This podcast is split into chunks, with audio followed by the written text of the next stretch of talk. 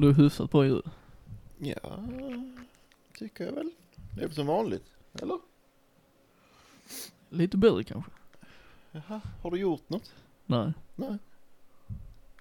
Har du höjt bara? Nej. Nej. Inte ens det. Nej, men då eh, tackar vi ljudgud, Anna. Men är det jag från början då? Eftersom jag har skapat eh, mixen. Den statiska mixen. Ja, i just detta sammanhanget i detta rum så måste det väl vara du som är ljudgud. Ljudgudrun. Schyman. Det Ja, är en det är svunna tider. Är det det? Mm. Men eh, vi kör igång direkt. Det är väl lika bra. Härligt ju. Ja. Mm. Var det Alltid. redo Jens? Ja. Sa du fel igen? Sitter du och hånar min, min kropp? Nej, alltså.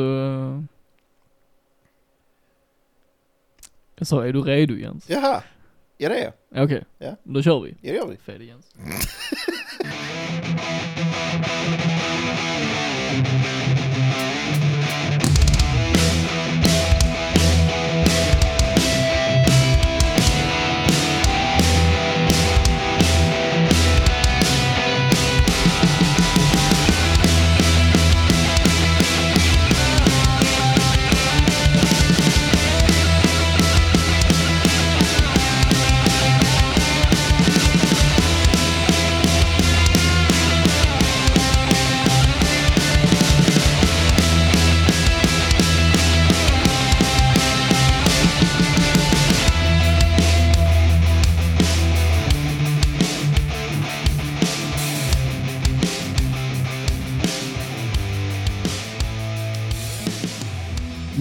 närmar vi oss eh, avsnitt 20 ju. Ja det är inte klokt.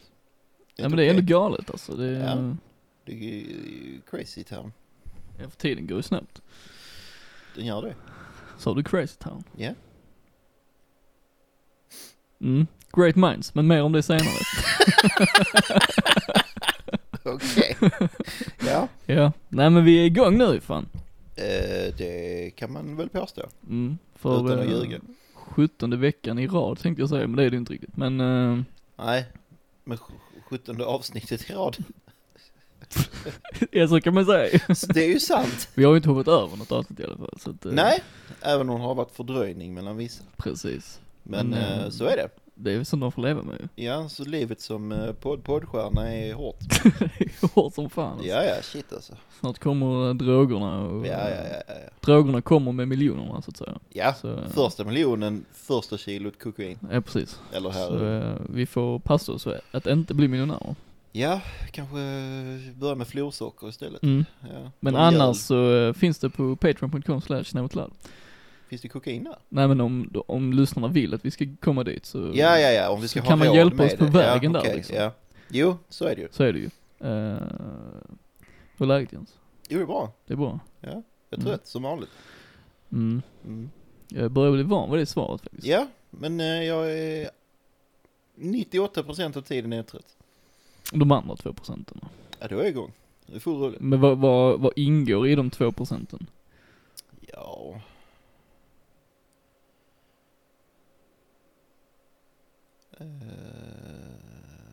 Stunder av att vara i den så kallade zonen. Du vet, kreativiteten flödar, man vill göra saker, man vill fixa, man vill eh, leva. Ja, men med det i åtanke så borde du i sånt fall kunna eh, expandera de två procenten. Medvetet. Ja, men jag har ingenting emot att vara trött så att det blir svårt att motivera mig till det. Så du gillar att vara trött liksom. Ja, men det är rätt chill. Men hade du inte velat göra mer grejer då istället? Nej, då hade jag gjort dem. så du är nöjd med att vara 2% eh, in the zone? Ja, Med allt vad det innebär liksom. jag, kan, alltså jag hade ju kanske gärna fått upp det till kanske 10% men zonen kan man inte styra, den kommer när den kommer. Jag förstår en myt. Nej, Jag är helt hundra på att det är en myt Jens. jag, jag har helt hundra på att det inte är en myt. Man skapar sin egen pigghet. Ja, pigghet, ja men nu pratar vi om zonen. Ja men du, du var ju 98% trött. Ja, Ja. Så de andra 2 procenten motsvarar ju pigghet. På ett ja sätt. bland annat. Ja. Ja, inte bara pigghet. ja. Pigghet i någon form är det ju. Ja, men det är ju så mycket mer. Och Du är, ni- du är 98% trött. Ja, typ. Mm. Men det är, jag ser det som ehm, typ att gå runt och vara hög hela tiden. Så det är rätt nice ändå. Ja, Jag köper inte den kopplingen faktiskt. Den har aldrig varit hög så jag vet inte. Men om jag, om jag gör det som, ehm, som jag tänker mig att det är Mm. så är det rätt bra. Okej. Även Ja. om det kan stå i vägen för saker du vill göra. liksom. Men brukar det inte göra. Okej. Så du vill inte göra så? Jo, men då gör jag dem. Och det är de två procenten. Och Då är det inte mycket det vill säga. Nej. Nej. ja, men då är allt frid och fröjd så att säga. Allt är precis som det ska. Ja. Ja, Det är härligt ju. Ja. Mm. hur är det själv? Det är bra. Det är bra. För eh, det är så här Jens. Oh shit, Vi ska bara, vi ska bara lyssna på en kort, kort, kort, kort, kort grej. kort grej. Kort ja. grej. Kom här. Ni förstår att jag är snart 26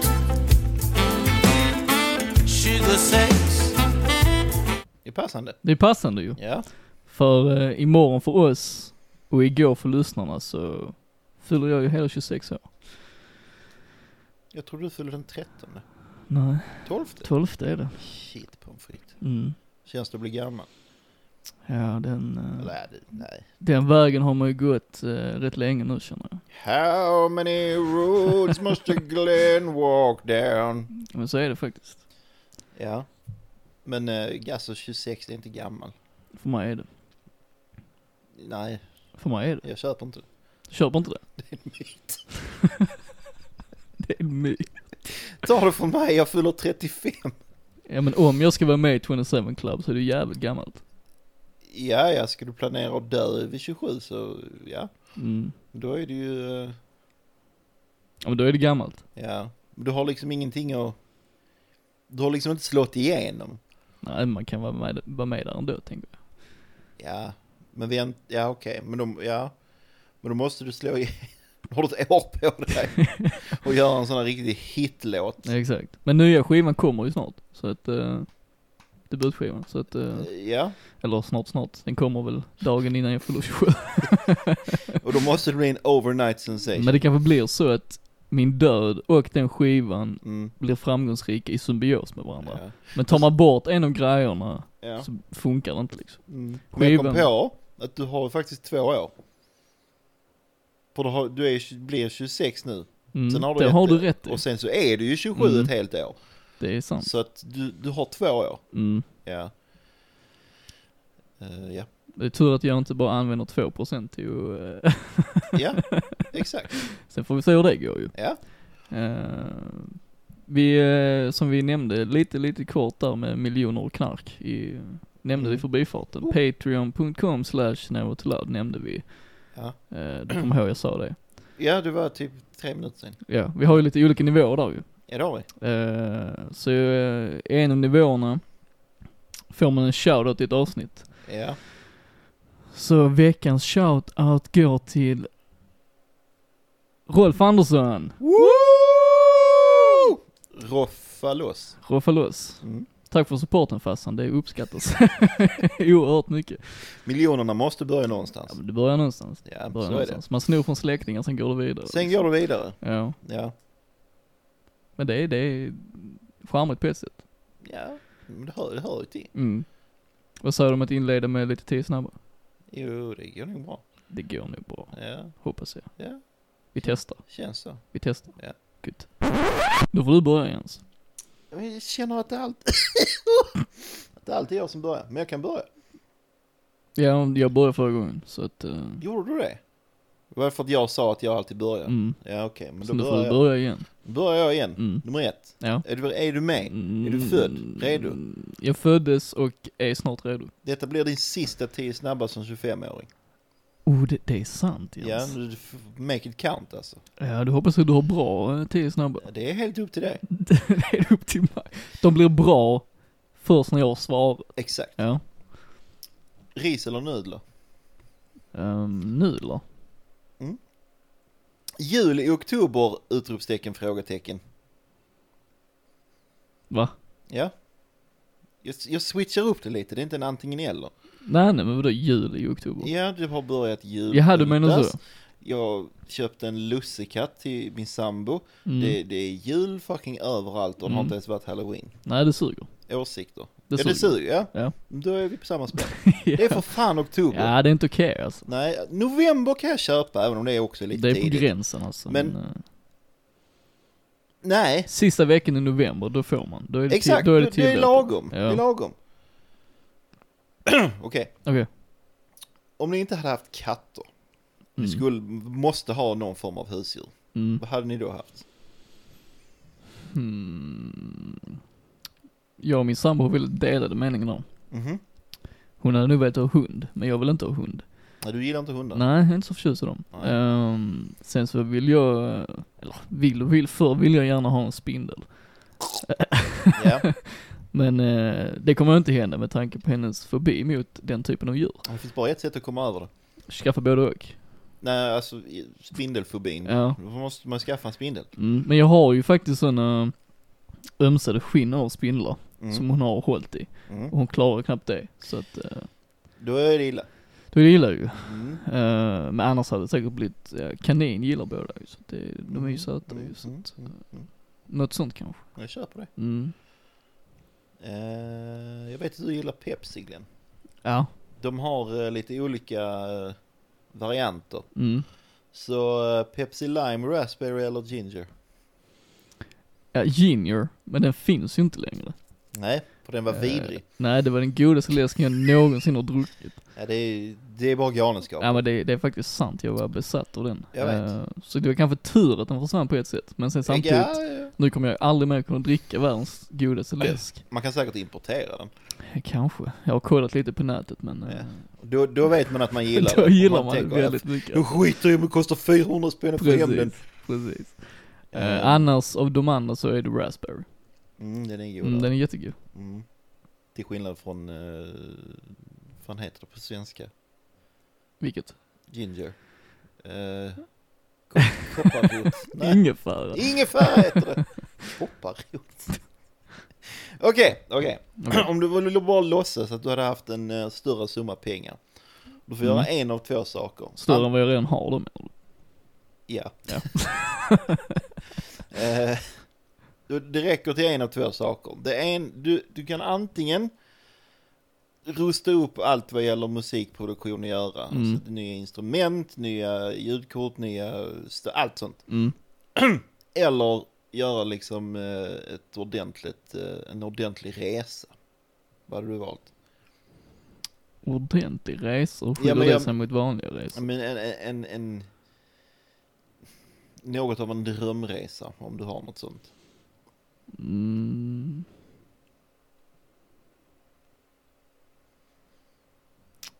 Ja, alltså jag tycker jag har ju tillräckligt bra prylar för att ha, eh, alltså kunna göra vettiga musikproduktioner. Mm. Eh, och så en resa är liksom, då, då händer alltid någonting nytt liksom. Mm. Så eh, ja, jag skulle nog satsa på resa då faktiskt. Jag kör på det. Jag kör på det. Halloween eller Halloween? Snackar du årstid och band eller film och band? Jag snackar högtid och band. Ja, Om man kan kalla det högtid som sagt, hög, ja, högtiden är ju liksom inte så mycket. Men jag gillar ju hösten väldigt mycket. Mm. Och den brukar infalla. Men jag menar om du, du låtsas att du bor i USA. Ja. Ha, Halloween eller Halloween. Mm. Ja, Då hade man ju nog uppskattat det på ett annat sätt. Mm. Sen är jag ju ett rätt stort fan av halloween, eller ja. Jag fick faktiskt hem tre halloween-vinyler nu i veckan. Herre min kurs. Ja, jag vet. Det är galet alltså. Eh, jag kan visa dem snabbt här på Patreon, uh, Jag kör hårt. lyssnare. Do it. Jag köpte dessa tre, de har ju gett ut, uh, fler än dessa tror jag, de har gett ut några av de uh, senaste skivorna de släppt under en tioårsperiod kanske. Mm. Eh, i lite så exklusiva utgåvor. Mm. Jag tror det är 300 ex per, eh, per vinyl. Det är ju ganska exklusivt. Det är det ju verkligen alltså. Så så ser den först ut. En av de, eh, en av mina favoritskivor med Halloween och det är Seven Sinners. Mm. Och det var också på den, på turnén, turnén från den här skivan som jag såg den för första gången. Mm. Så det är ju det sentimentala värdet där Jens. Ja, det är värt mer än uh, 10 kratar Ja men det är rätt månaden. viktigt ändå faktiskt att ha det liksom, den kopplingen. Sen är det ju en fantastisk skiva redan från början så att. Sen uh, Straight Out of Hell, som jag inte är sådär jätte, jätteförtjust i, men uh, jag tänkte där finns några bra låtar, så jag tänkte Mm. varför inte liksom. Mm. Och vinylen var väldigt snygg. Ja. Och sen uh, Unarmed, som är en sån 25-års jubileumsskiva där de uh, gjorde lite nya versioner av deras egna låtar. Mm. Men hon har ju armar. Jag känner Ja, falskt hon har ju det men uh, Unarmed är väl att de inte har sina vanliga instrument. Jo, jag, jag fattar det egentligen. Så, så korkad är inte. Nej jag vet, men som är det, de i åtanke så är väl Halloween svaret då antar jag. Jag glömde att vi var på tisdag. Men eh, ja okej, Ja, Halloween, det är svaret. det är svaret. Halloween på Halloween. Ja, jag ska faktiskt köpa en ny, uh, nu säger jag, jo jag kan filma lite här för er Patreon och mina, min samling av statyer och sånt. Eh, jag samlar mycket på sk- skräck, eh, saker som har skräckfilmstema så att säga. Har jag aldrig du tycker inte det? Nej. Nej men i alla fall, de ska släppa en likadan nu fast i Michael Myers som jag ska köpa. Men lika- Alltså i samma serie. Samma, ja precis. Så att, eh, Men är alla de från samma tillverkare? ja alla är de, eh, de tre där, Mm. som ni också ser i eh, Patreon om ni är medlemmar där, nu har jag sagt det många gånger, men det, det förtjänar vi. Ja. Leatherface, Jason och Freddy är ju samma serie, sen är ju Pinhead också samma tillverkare men det är inte samma Okej. serie. Men den passar in i alla fall. Så att, Det eh, gör den. ja. Så Fan, då får de stå där. ja, jag vet inte riktigt hur jag ska göra men eh, jag löser nog det på De något får sätt. kramas. De får kramas lite. Ja. Mm. Lite så fanfiction. Ja, men Ja. jag tror jag löser det. Det gör du säkert. Det gör jag. Okej, nummer sju. Okej. Eivor eller Björk? Eivor tror jag. Tina Turner eller Cher? Tina Turner. Meshuggah eller Rammstein? 20. Tänk att jag visste det. Jaså? Ja, mån, jag hade på känn. Eh, Tio timmar Britney Spears eller tio timmar Christina Aguilera? Hmm. Tar jag nu 10 timmar Britney Spears. Du gör det? Ja, alltså hon har ju, hon har fler låtar som tilltalar mig, men sen är det klart att, alltså 10 timmar om något är ju outhärdligt. Men. Christina Aguilera, visst hon, um, jag älskar hennes röst, men just låtmaterialet är väl inte sådär tilltalande för min del, tror jag. Nej, jag är nog eh, beredd att hålla med. Ja, Eh, bonus, okej. en gammal goding. Ja, eller Snape? exakt. Var ligger vi idag Ja, i men det, dagsläget? det är Snape idag alltså. Det är Snape? Ja, jag känner det är lite snapigt idag alltså. Shit alltså. Ja. Ja men det är för att det är höst. Ja men det är nog det alltså, Ja. man börjar komma i stämning Det börjar liksom. bli svart, det börjar Precis, bli mörkt. precis. Ja. Ja, Men gott, det vet vi. Bra jag bonus. återkommer om fem veckor. Så får vi se var vi ligger. precis. Eh, ja det var mina eh, tio första elva. Ja men det var väl bra. Ja det, det är vad det är. Mina svar var väl vad de var men, Ja, eh, men jag, jag tycker det, det, det, de kompletterar varandra. ja, där. lyssnarna får avgöra annars. Så att, eh, Lite så ja. Lite så är det ju. ja. Är du redo Jens? Jag är född redo. Ja, du brukar säga det men med de två procenten så vet jag fan inte. Men jag föddes i de två procenten. Så det är där det kommer Ja, ifrån? Ja, tur det klockar in där ju. Okej men här kommer de. Shit. Första. Mm. Kurt Olsson eller Kurt Wallander? Kurt Olsson. Det är så? Ja, Mm. alla dagar i veckan. Okej. Jag gillar inte svensk eh, crime, thriller, drama. Okej. Eller, det kan väl vara okej, men det finns, jag vet inte, 80 olika serier och alla är likadana. Mm. Men Wallander är från Ystad i och för sig. Så, Mm. så ja, nej men Olsson. Olsson. Mm. Ja. CC Tops Pearl Necklace eller Volbeats Pearl Heart? Jag är inte bekant med någon av dessa, men överlag så gillar jag ju CC Top och jag gillar inte Volbeat. Så det får bli CC Top. Okej. Sara Larsson eller Sara Leander? Vem fan är Sara Leander? Jag känner igen namnet men jag kan inte, Mm, det är frågan Jens. ja. Jag gillar inte alls Sara Larsson. Okej. Eller alltså. Hon är duktig på det hon gör, Mm, men det tilltalar inte mig. okej. Jag kan ju inte förneka hennes talang. Nej. Eh, så jag väljer någon andra. Okej. Trots Så- att jag inte vet vem det är. Sara Leander, det är ändå modigt att välja henne. Men ja, Ja, vi, eh, vi jag har ingen aning. kan googla sen. Ja, Eh, jag- vi kör vidare. Ja. Pink eller Blackpink? Oh, jag känner igen Blackpink. Är inte det något fruktansvärt? Det beror på hur man ser det. Eller hur man hör det, kanske. Jag tror att jag såg någonting för bara några dagar sedan om någonting som var Blackpink och det var hemskt. Okej. Men jag, jag kan koppla ett namn fel. Så vi tar det säkra kortet, vi säger Pink. Okej. Du är lite så för de säkra korten, det brukar vara... Ja, men jag, vågar, jag, jag kan inte lämna min eh, endorsement till någonting som jag tror är fruktansvärt. Jag kan ha fel, men Mm, jag tar det säkra. Okej. Ja, Mm. Pink. Pink. Eh, Rival Sons eller The Glorious Sons?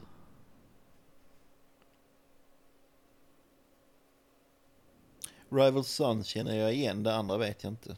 Men jag, jag vet inte vad det är på. Känner att det börjar bli ett säkert kort här igen då? Ja, eller? Så det får bli det jag har hört namnet på. Okej, ja. Eh, Soundgarden eller Audioslave? Oh. Ja du. Mm.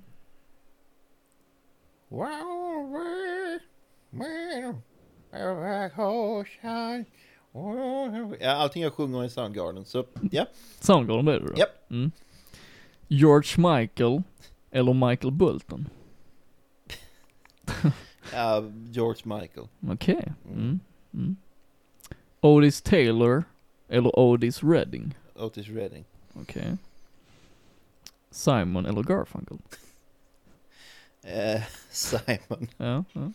Alltså lite säkert kort men det är... Ja men alltså jag har inte, jag har inte hört Nej. typ någonting Men jag, jag kör på ditt svar igen så Ja. det är lugnt alltså. för jag menar, Paul Simon hade ju ändå no någonting att komma med utanför Mm. Simon and Garfunkel. Så, Precis. ja. Sista. Ja. Alice in Chains eller Alice in Wonderland?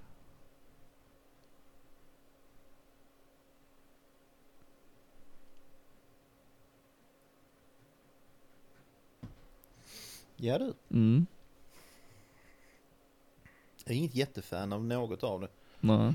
Vad är det säkra kortet? Det finns inget, Okej. därav den jobbiga situationen. Mm. Jag får nog säga Wonderland. Det är så. Jag tror det. Mm. Jag var, jag var inte liksom, jag var inte med i grunge-svängen. Nej. Så att de har ingen betydelse för mig. Även om de har gjort några trevliga låtar. Mm. Men eh, Alice in Wonderland, det, den är weird. Det var. Ja. Det brukar du påstå att du gillar ju. Ja. Så att, ja. annars får du bara lägga ihop det så det är Alice in Change in Wonderland. Alice Chained in Wonder... Oh du. Mm, nu snackar vi. Det hade ju passat in. Ja, ja. Finns säkert Ja. på lite Det obskyra gör det sidor. definitivt. Tveklöst. Tveklöst ja. Nej men det var ju kul detta Jens, då går vi vidare. Ja, Jens. är det jag? ehm, det är en sak vi måste, vi måste gå igenom här. Ja, Som jag måste diskutera med dig. okej. Jag tänkte först göra det utanför podden, men jag tänker att lyssnarna måste så Okej. vara en del av det. Ja, För jag tycker det känns rättvist. ja. Uh, för jag menar, vi har ju lyssnarna som hänger sin tid, måste ju vara inblandade i eh, vad som händer i podden. Okej. Ja. Så här kommer de, Glens fem retoriska.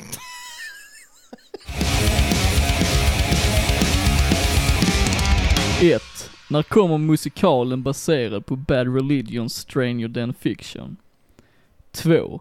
Var det Mange Schmidt som var giftig eller glassig eller hur var det nu egentligen? 3. Flyger fjärilar i den galna staden? Fyra, kan man älska någon på avstånd? Fem, köptes tyrolerhatten?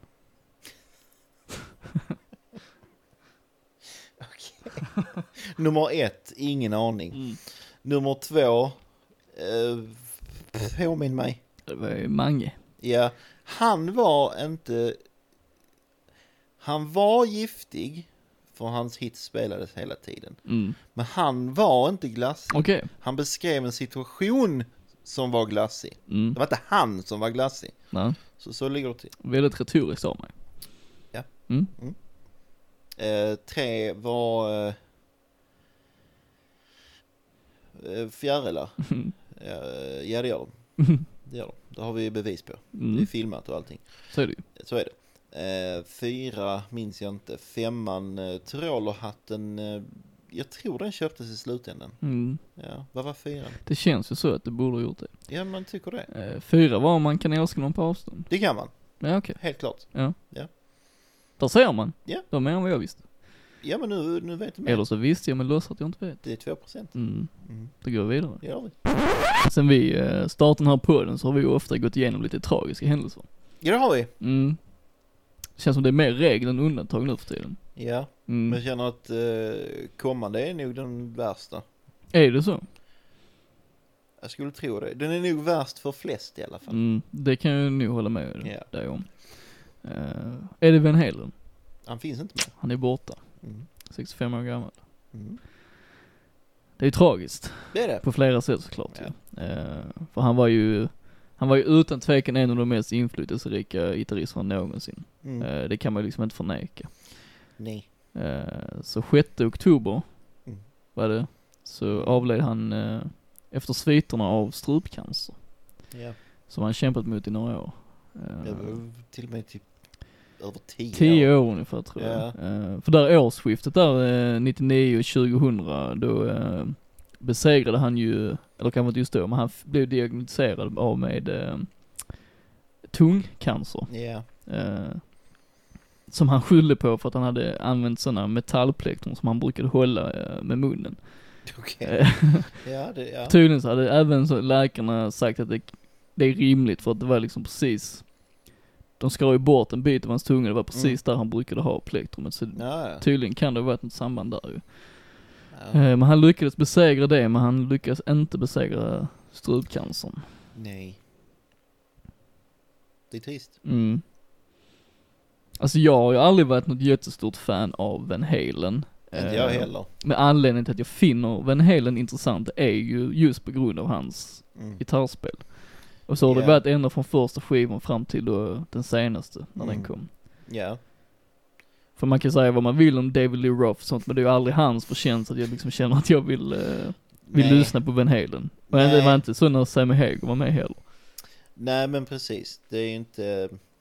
Det är inte de som har gjort det stort Nej. liksom. Nej. Det är, det är ju han. Mm. Ja men det är ju faktiskt, han har ju ändå burit hela det bandet i Ja. princip.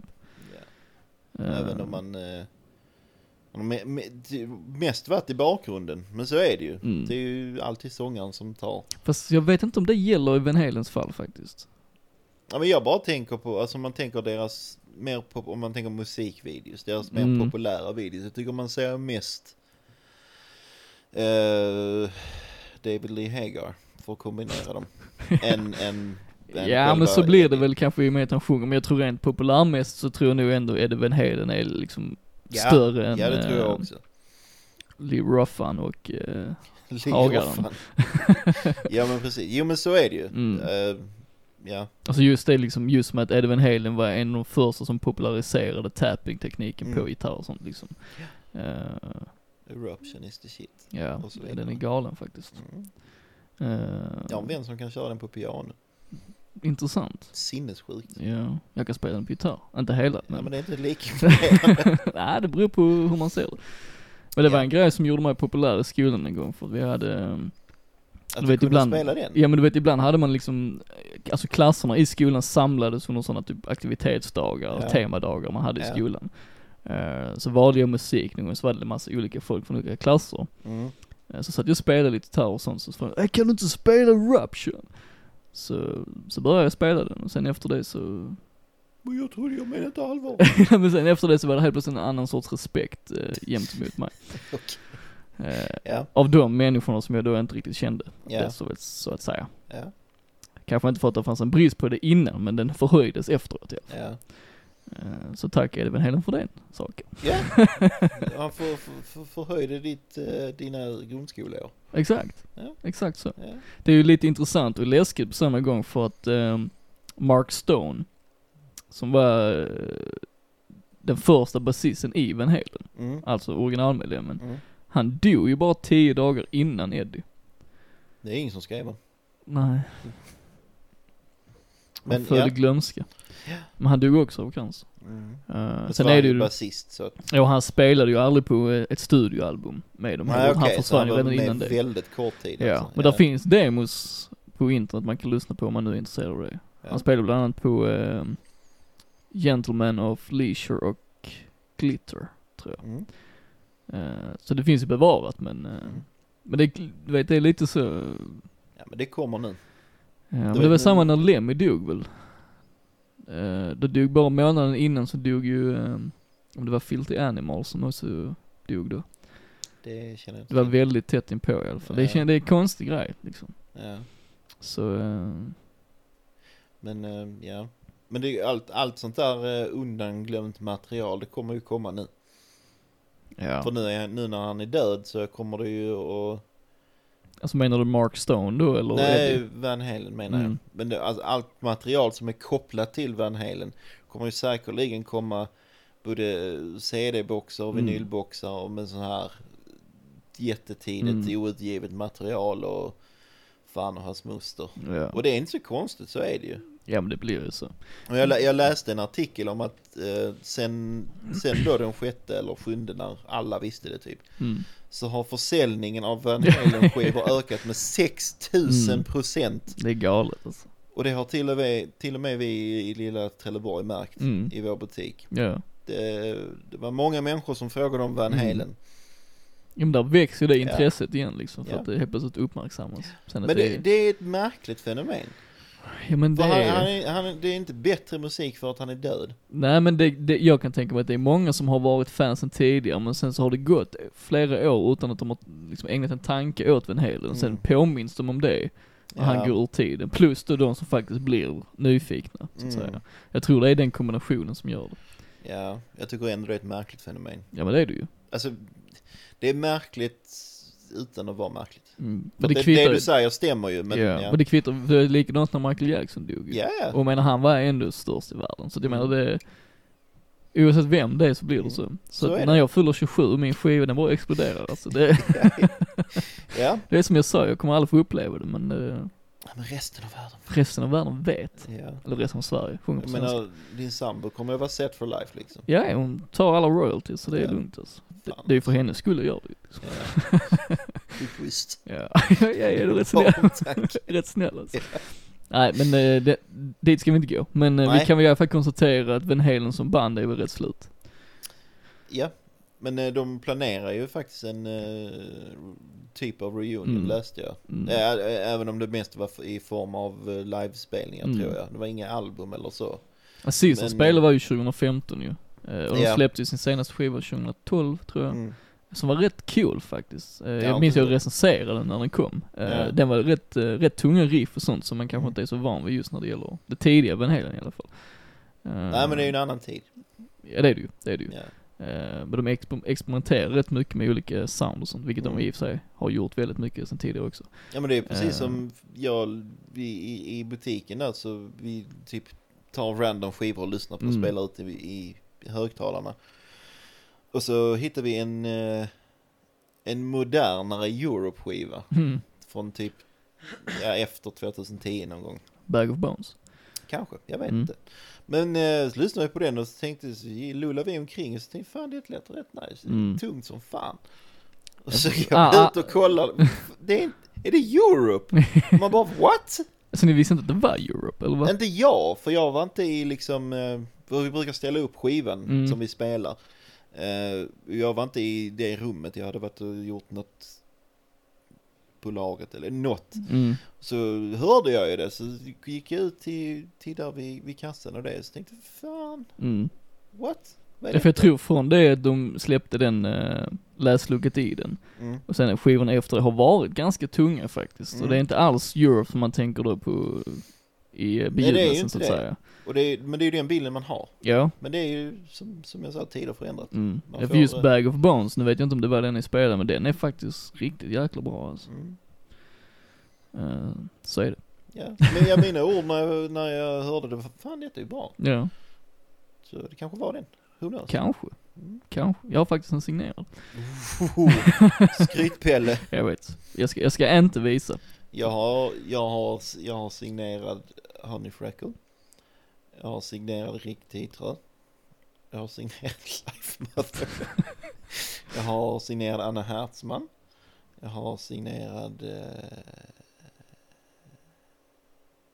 Pandora. Jag har signerad Wretched Fate.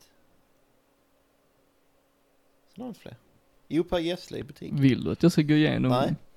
Nej, jag har AC/DC, Nej, Motorhead, nej, det, Ronny James Dio. nej, det behövs inte. Det är lugnt.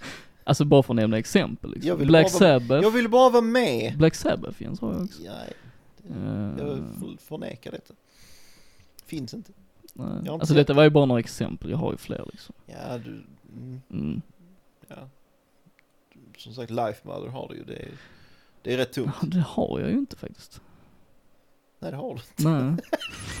Men du kan få den när du Ja vill. det kan jag i och för sig, det kan jag i och för sig.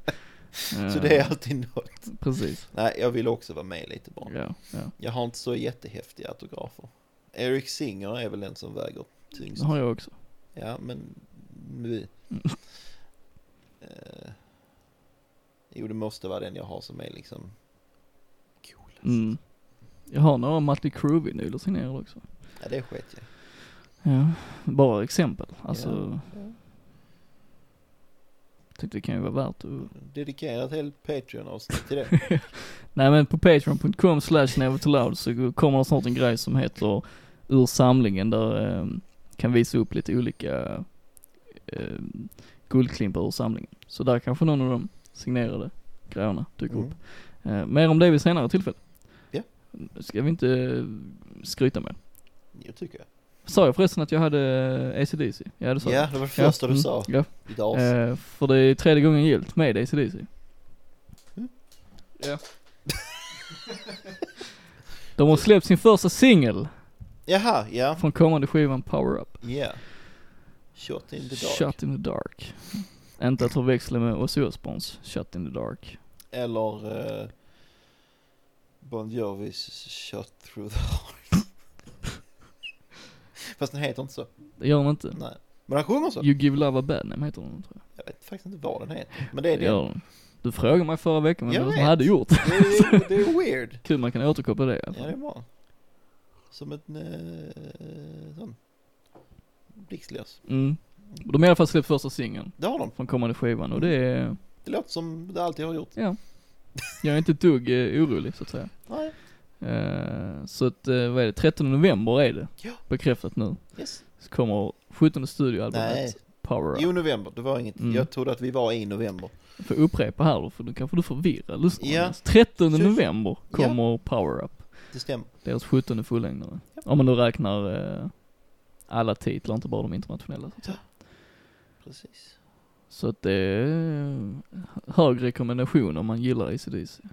Ja, alltså det är ju same old, same old fast nytt. Ja, exakt. Så att uh, Det är som det ska gillar vara. man ACDC, AC ACDC så man vet vad man får. Ja, det är ingen tvekan om saken. Alltså. Nej. Så det är bara att förboka alla deras utgåvor så, Ja. och bli fattig så kan man ju, Precis. Får gärna göra det på skivbutiken i Trelleborg. ja. Hint, hint, plugg. Har det varit ett avsnitt då du inte har marknadsfört skivbutik? Ja, Jag bara kastar ut den frågan så här lite casual. Lite, lite. det är ungefär lika många avsnitt som du inte har marknadsfört Patreon. Fast det har jag inte gjort i alla avsnitt för att vi börjar med det i avsnitt 10. Så att eh, Jens, Ja, nu, nu är det vrång. nu är du besegrad. Nu är det vrång. Nu är du besegrad Nu är i, det- igen. Igen, du? Alltså sa jag det att jag hade Frank Ferrana Juniors autograf? Nej men han heter inte så. Nej. Nej, jag bara, jag bara undrar liksom. Ehm, nej men, eh, ja. Men det skiter jag i. Mm, För jag vill plugga butiken. För att eh, det är så vi gör. okej. Så jag Nej jag bara undrar om du har ju gjort det tidigare liksom. Eller Det har jag gjort många gånger. Ja. Men det måste jag ju. Det var någon gång du hade en fråga med också. Lite Ja, det var förra gången. Lite så. Det var då jag glömde att det var folk som lyssnade. Mm, lite, lite, lite weird. Men det gick ju bra ändå. Ja, jag fick ju noll poäng så det, Ja, precis, gick bra för mig. totalt sex poäng dock. Men ja. Ja. Men det gick ju bra för, för mig. Ja, du fick både marknadsför och jag fick noll poäng. Exakt. Ja, Så det var det win-win. är taskigt jobb igen. Så, Ja men jag är taskig. ja, det är Precis du. som du. Och jag är rätt snäll. Har du någon eh, annan nyhet Jens? Alltså du tog väl de stora. Jaså? Det var ju det jag hade. Eh, eh, eh, men jag tror jag hade med. Ja det hade jag. Okej. Eh, på tal om 20 som vi pratade om innan. Ja. De, de håller på med nytt. Mm. Mm. De eh, skrev, eller de och de, någon som representerar dem skrev att de snart är färdigskrivna Ja. med en ny skiva. Så eh, det är på gång, Okej. det är på gång, det är på gång. Mm. Eh, och lika så eh, är Rammstein tillbaka i studion. Mm. Vilket är snabbt. Därav den tio snabba frågan. Ja, ja Mm. men det, blir, det var ju lite så. Ehm, Var var jag? Jo, de släppte ju sin, sin senaste skiva för inte jättelänge sedan. Mm. Det var väl 19 någon gång. Ja det var det kan ha varit sent 18. Men det Nej var det inte, var nog, Jag var det tror- 18? 19? jag tror det var 19. Ja det känns så i alla fall. Oavsett Ja. så är det mycket kortare tid än vad det brukar vara Det mellan brukar deras skivor. Mm. Eh, så det är ju, det är kul. Det är kul. Ja. Mm. Ja. Mer Om intresserad av Meshuggah, Om, om men- man gillar dem så är det kul. Mm. Ja. Jag gillar dem, så det är kul. Ja, det var det jag hade. Annars var det Van Halen. Som, Ja. var, det, som var det stora. Okej. Men eh, jag kände att eh, det är knappt lönt att skriva upp det för jag vet att du kommer ta upp det. Men eh, så Tänk är om det. jag inte hade gjort det ens då. Hade du stått här eh, utan Ja. någonting att säga. Ja, Mm. ja. Men så är det inte. Nej, för jag, jag sköter mig. För jag har, jag har två till. Har du det? Nej men alltså de jag sa. Ja, ja okej, ja. Ja. Jag tror du hade fyra, då hade du bara två. Jag har en till men det är mer ett tips nu ser jag. Så att det kommer Ja, okej. tips. Ja, det är lite luddigt men vi, eh, Ja, det det vi försöker hålla ihop det. Jag gör det lite luddigt. Ja, det gör du. Ja. Gör du. Så jag jobbar. Det kan man väl lugnt säga alltså. Ja. Uh, First Aid Kit. Det är ett band. Ja, det är en duo i alla fall. Ja, ja okej. Ja. Mm, ja. Lite petnoga kanske. Men eh, de har släppt eh, en ny singel. Ja, jag vet. För jag har sett reklamen. Jag har Ja. inte hört den. I samarbete med eh, Rosa Bandet tror jag. Ja. Mm. Eh, de har valt att tolka Ted Gärdestad-låten eh, Come Give Me Love. Så var det. Mm. Har inte vi pratat om detta? Nej. Ted Gärdestad på engelska. Det har vi pratat om. Ja. Mm. Eller det var ett Patreon-avsnitt. Det var, eh, ja, jag tror man kan hitta det på patreon.com slash. Ja. Nej men vi pratar mycket om det där ju, just på hur Ted funkade när han sjöng på svenska och engelska.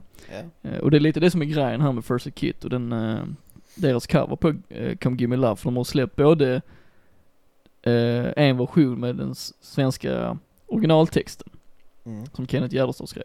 Mm. Och sen har de också valt att tolka den på engelska. Eh, och det är ju intressant för att höra hur de väljer att berätta den här, eh, den här historien med, eh, med ett avslut på en kärleksrelation så att säga. Mm. Eh, för jag tycker de är väldigt bra på att skriva texter ju. Mm. Sen är ju liksom den stora nackdelen i det här för mig är ju att jag gillar Ted Gärdestad väldigt mycket och jag, gillar First Aid Kit också. Mm. Så det är lite tråkigt att de valde just Come Give Me Love för det är en låt som jag aldrig riktigt har fastnat för, alltså då, Du, får, även i originalet så att säga. du får skriva ett argt brev. Mm, Eller till kamratposten. KP, finns de fortfarande? Nej men i alla fall det är lite tråkigt för det finns ju många låtar jag kanske hellre hade velat se dem göra ju. Mm. Eh, Men det kanske kommer. Någon gång. Tveksamt kanske, tveksamt. Eh, men oavsett vad, det är liksom, det är ju ingen dålig låt så, det är en kul grej att de gör det liksom. Eh, men, ja, mer än så blir det egentligen inte för mig eftersom, alltså låten i grunden inte är, inte tilltalar mig särskilt mycket. Mm. Eh, så det är nog min slutsats kring det. Mm. Mm. Det finns om man vill lyssna helt Det enkelt. finns om man vill lyssna och det är inte så att de gör något liksom, de går inga De Det gör, den till, de gör ju den till sin egen såklart men det är inte så att de lyckas lyfta låten på något plan som gör att jag blir mer intresserad av Nej. Melodi, alltså melodispråket och texten och sånt där. Nej. Men det är kul att de gör det och det är ju också jävligt kul att höra dem sjunga på svenska för det hör man ju inte så ofta. De sjunger ju oftast på engelska. Så att, eh, den aspekten är ju jävligt intressant. För mig. Mm. I alla fall. Ja. Mm. Det var lite nytt. Vi går vidare Jens. Gör vi? Trots genreöverskridande betydelselöshet i sin skitigaste form är grunge ett uttryck som säger väldigt mycket, samtidigt som det säger ingenting. Är det en eh, fråga? Ja, det är mer ett konstaterande. Ja, det, jag vet inte riktigt var du är på väg, men ja, vi Okej, kör på låt det. mig förtydliga lite Ja, ja, kanske. ja. Eh, för tänker man grunge, tänker man ofta Nirvana. Och tänker man grunge, tänker man också Soundgarden. Ja. Mm. Och tänker man Nirvana så tänker man Kurt Cobain. Oftast ja. Mm. Och tänker man Soundgarden så tänker man Chris Cornell. Det brukar hänga Mm. ihop ja. Och redan där är ju skillnaden väldigt tydlig. Ja. Och Nirvana och Soundgarden må ju vara de bästa exemplen för mig för att få fram min poäng. De tillhör båda musikscenen från Seattle som tillsammans erövrade världen första halvan av 90-talet. Och trots att de 30 år senare fortfarande hänvisas till grungen ger det mig ändå frågeställningen, vad är grunge? Det blir djupt. Det är lite djupt ändå ju. Mm. Mm. Jag är helt fel person att fråga. Ja. Men eh, jag, eh, jag, du kanske är helt rätt person för att kunna spekulera detta med. Ja, så kan det ju vara. Mm. Men ja, För när jag plockar fram Nirvanas Bleach och Soundgardens Ultra Mega OK, Alice in Chains Facelift och eh, kanske Mudhoneys självbetitlade debut, så kommer jag till en slutsats. mm, Och det är ju det som grunge som term har försökt förkapsla. mm, Det vill säga, det är smutsigt. Mm. Mm. Därav namnet. Mm. Men är det allt? Det är väl lite den slutsatsen jag kan komma fram till. Eh, för om man tänker på de skivorna jag precis eh, sa, så är det, Mm. det är hänsynslöst och i sin råhet nästan föraktfullt mot all musik som kom innan. Mm. Alltså innan då musikerna i Seattle och Mm. övriga eh, började experimentera. Mm. Mm. Men, ja. Men det finns ju sån här typ. Ja, alltså du, det är en svår fråga. Mm. Jag tror det är en fråga som bara kan besvaras som individ. Mm. Vi är ju två Mm, individer Det är vi. Ehm. ja, fan. Alltså din slutsats är ju någonting på spåren. Mm. Mm. Men jag som inte liksom har fastnat för hela det där, jag, alltså jag vet inte. Jag vet inte fan hur jag skulle klass, klassifiera det. Nej, för den slutsatsen gäller ju egentligen bara när man kollar på bandens debutskivor, för går man sen vidare så gick ju alla dessa band åt olika håll, Mm. eh, rent musikaliskt. Så därför är ju, ändå hängde de kvar i termen grunge. Men det är, det är ju det, för, de finns, för det, om du nu, nu är inte jag superinlyssnad på deras första, eller så, men om du nu har gått, alltså det har ju blivit mer, skitigheten har försvunnit Mm. mycket, men ändå så kallas det grunge. Så vad gör det? Vad det gör. Ja, vad gör det för, för genren? Eller, För den enda koppling jag egentligen ser varför de skulle särskilja som just grunge, mm, som en musikalisk term, är ju för att, på grund av det skitiga soundet. mm. Eh, men om man då tar bort det skitiga soundet, vad är det, vad, vad kvarstår? det är ju det. Mm. Vad, vad är det då? Mm. Blir det Foo Fighters då? Det är ju lite den alternativa rocken som Ja. är lösningen så att Ja, säga, ja, om man nu ska liksom kategorisera det. Ja. Eh, Det är lite som, eh, så här, typ tidig, ja och modern, typ black metal. Det ska låta skitigt för att Mm. det ska vara skitigt. Mm. Inspelningen ska vara dålig för att det är så det ska låta. Men om man tar bort det, blir det då? Ja, detta detta, Fast black ja. metal är ju mer ändå uh, sounddefinierat när man tänker band, även om inte skitigheten finns där. Jo, Eh. så är det ju. Men liksom om man tar de, de tidigaste liksom så här. Många, eller vissa black metal band, de spelar ju in det även i modern tid. Mm. För att det ska låta dåligt för att bibehålla det soundet. Absolut. Och då enligt dem i alla fall så är det äkta black metal. Ja. Är det samma sak inom grungen måste det låta dåligt för att få kallas grunge. Och om det inte kallas grunge är det då altrock. Mm. Är Foo Fighters grunge? De tillhör ju inte den, uh, Nej, det spektrat. Men det eh, frågan är ju om grunge är nödvändig som term överhuvudtaget när det egentligen inte, Finns det är en sån väldigt kort period där det faktiskt finns en överliggande uh, gemenskap, gemenskap i, Mm. eh, i det musikaliska så att säga. Ja. För Ja. grungen blev ju det vi idag är, känner till som alternativ rock, med allt, med alla band som kom Ja. efter den här Ja. vågen så att säga. Det blir utvecklingen ja. Ja. Så egentligen borde man väl kunna säga att de också är det redan från början. Bara att deras första skivor var väldigt smutsiga. Ja. Vi är något på spåren där i alla Det, fall. ja, nå, ligger någonting i Vi det. kan se om det kan bli lite tydligare längre in i det här avsnittet för ett band som med fortsatt nyfikenhet på just begreppet grunge Mm. och dess då naturligare släkting, den alternativa rocken, är The Grand New Wrong. Mm. Som sedan 2009 placerat sig själva i en aning experimentell förlängning av det sound som i stor utsträckning skapades då av Soundgarden, Alice in Change, Nirvana och följeslagna som gick samma väg i framgången på 90-talet. Ja. Ja. För veckans band är The Grand New Wrong. Så är det. De kommer från Alingsås, Göteborg. Mm.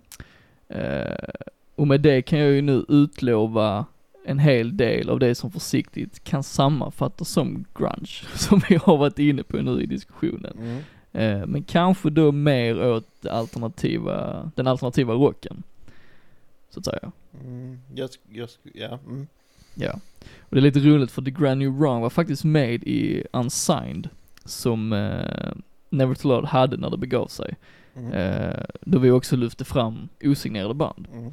Eh, så detta är ju första, kanske inte sista gången som ett band därifrån nu återkommer idag till podden. Ja, där kan jag ju bara säga att eh, det är kul att de fortfarande, kul att de fortfarande finns. Precis. Ja, det är ett tag sedan. Det är många år sedan. Det är många år sedan. Som sagt, de har hållit på sedan 2009 ju, så Mm. att eh, det har hänt en del sedan dess. Det hoppas jag. Ja, jag hade ju, eh, jag recenserade ju deras eh, första EP då som hette Seconds. Ja. Och då, då hade de en annan sångare än vad de har nu. Mm. Så det har ju skett lite medlemsbyten och så vidare. Men, eh, Som det brukar vara. som det brukar vara ja. Men det är ändå, de håller ändå ihop liksom. Mm. Eh, så jag tänker liksom för att bjuda in lyssnarna till den här diskussionen vi hade om grunge och alternativ rock och vad vi nu försökte komma fram till. Ja, Så är det väl lika bra att börja lyssna tänker jag. det tycker jag. Det tycker jag också. Eh, så vi spolar tillbaka bandet 10 år nu. Mm. Eh, och lyssnar på en låt från EPen Clockwork som de släppte då. Låter som en plan. Ja, och sen så går vi i den naturliga fortsättningen i deras diskografi så att säga. Ja, vi krono kronologiserar. Exakt. Så här kommer I Like It från Clockwork. That's the way, uh-huh, uh-huh. Clockwork. Eh, Skulle man kunna tro, men det är lite coolare så i mitt tycke. Du, Ja men nu, det är, nu. men du pratar du med någon som är väldigt eh, hängiven den här genren, Ja, okej då. den här stilen. Ja. I like it.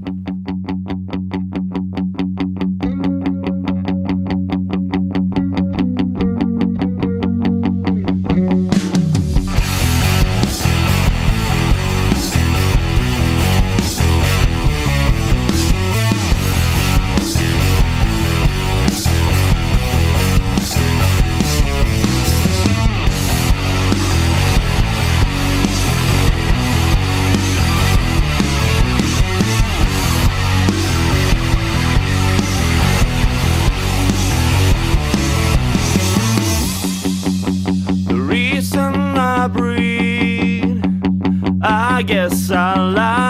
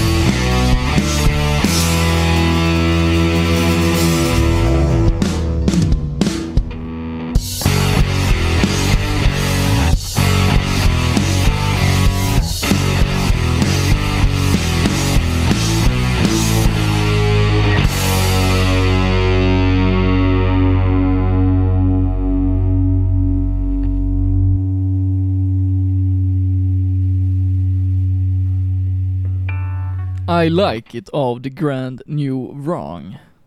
Ja, Från Apen Clockwork som kom 2010. så lät det alltså för tio år sedan. Mm. Ja. Kanske till och med exakt, vi vet inte. Mm. Uh, ska vi se om vi kan ha lite infallsvinkel om det jag pratade om i början då, just definiera liksom lite vad det här är, egentligen är. Ja, Eh, för här är det ju mycket på grund av eh, förmodligen produktionsalternativ. Det är ju skitigt här ju. mm. Eh, inte så skitigt som jag skulle säga att det var i grungens begynnelse så att säga, men Nej. det är ju den, men frågan är, är, det- är det med flit eller inte? mm, men det är ju lite så, jag tror att eftersom de också kommer därifrån, alltså har uppskattat den sortens musik väldigt mycket, så tror jag Kanske var det liksom inte eh, medvetet utan mer eh, nödvändigt att det, detta, denna ljudbilden blev så här, så att Mm. säga. Eh, Men sen tror jag att de uppskattar det lika mycket som jag gör nu när jag lyssnar liksom just för att det är en ganska stor del av vad det var där i början av 90-talet. Ja. Men sen är ju låten i sig, hade ju funkat oavsett vad, tycker jag. Oavsett om man Ja men oavsett om, alltså ljudbilden hade varit polerad eller inte, för jag tycker ju att den här eh, låten i, i sin grund är, är riktigt bra i allt sitt riffande och eh, Mm. hur de väljer att bygga refrängen och så vidare. Ja. Ja men det, alltså du, du har rätt. Mm. Frågan är bara om det har någon betydelse för vad, för vad det är. Nej, alltså det är, det är väl egentligen petitesser i, i sammanhanget liksom. Eh, men det är en kul tanke att leka med tycker jag. Mm. Eh, för egentligen skulle jag kunna säga att alltså mycket av eh, riffandet och tempot påminner väldigt mycket om det som blev eh, förlängningen av grungen på 90-talet just i till exempel eh, Alter Bridge och så vidare just Mm. det väldigt tunga riffen så det visst det hade ju även Men, de andra banden också ju. ja, för jag känner att det, det, just denna låten känns väldigt uh, Alice in Chains för mig. Mm. Ja men det är också såklart ju. Mm.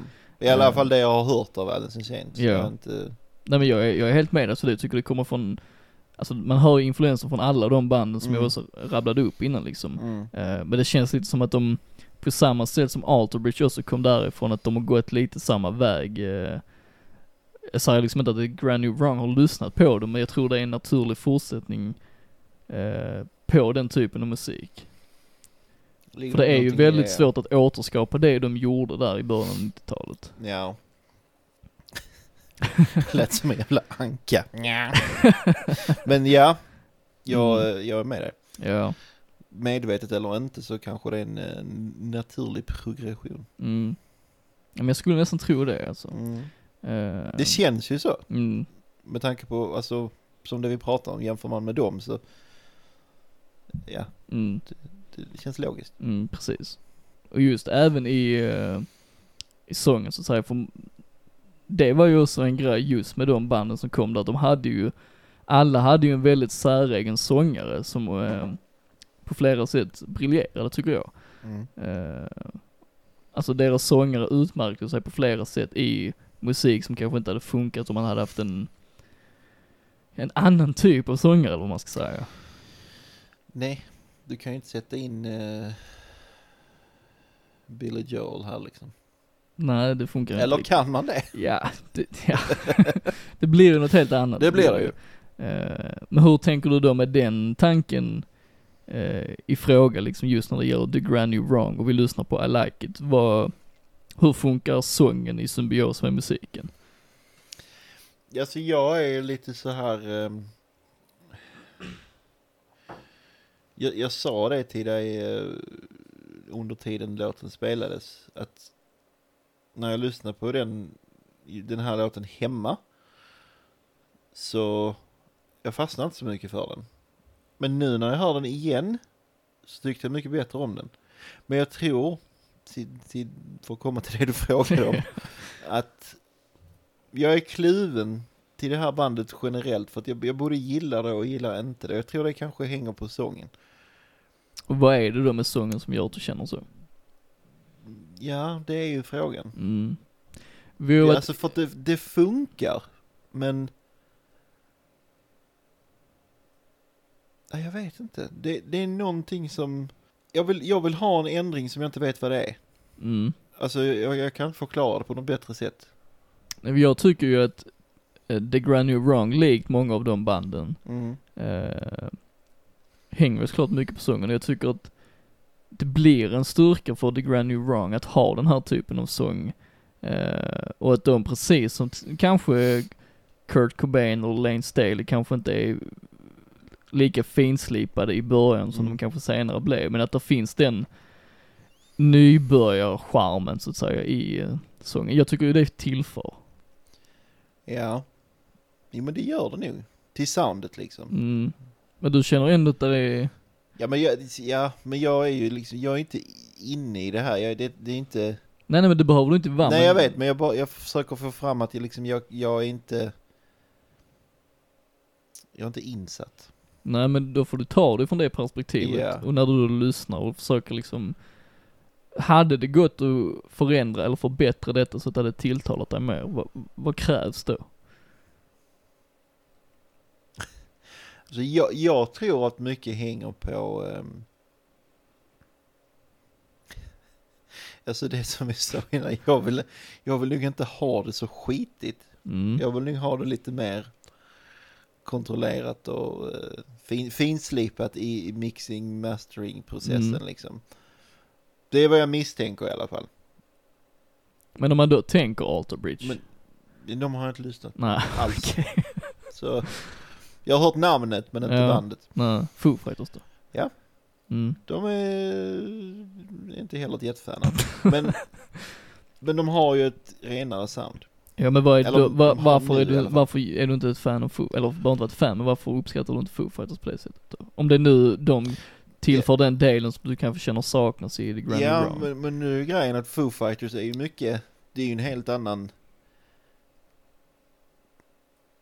vibe. Alltså, även om du, om, om vi låtsas att The Grand New Wrong skulle vara, ehm, ja jag tappar min tankegång. Om vi, om vi låtsas att Grand New Wrong skulle vara lika, vad ska man säga, altrockiga som Mm. Foo Fighters. Då tappar The Grand New Wrong det som jag faktiskt gillar med dem. Okej. Blir de, och låter, för Foo Fighters är lite mer, yay, glatt, hoha. I alla fall det jag har hört. Mm. Men här är det ändå ett, en, en tyngd och ett... eh, jag vill inte säga det, men jag säger att men det känns, det känns mörkare och tyngre och dystrare Mm. än om jag jämför med Foo Fighters. Men du vill ändå ha det lite cleanare i produktionen så att säga? Ja, för jag tror inte det är det som gör att det blir mörkt och tungt och dystert. Tungt, tungt. Nej, alltså i soundet så är det kanske inte nödvändigt, men det är klart det tillför ju. Men jag tänkte just i exemplet Foo Fighters, vad är det då? För det finns ju låtar på The Granny Wrongs skivor som kanske är mer åt det hållet även soundmässigt så att säga. Ja. Hur ställer du dig till det då om de, om de måste gå lite åt det altrockiga hållet? Om de skulle göra samma sak, vad vinner och förlorar de som band då? Men jag tycker att, jag, jag tycker att det är en så stor skillnad på dem och just Foo Fighters. Så att Ja, jag, men det behöver inte vara just Foo Fighters, men om de hade gått mer den vägen för att kunna tilltala dig mer, vad är det då de, vad är det då de ska göra så att säga? ja men det, alltså, det, de behöver ju inte... Ja.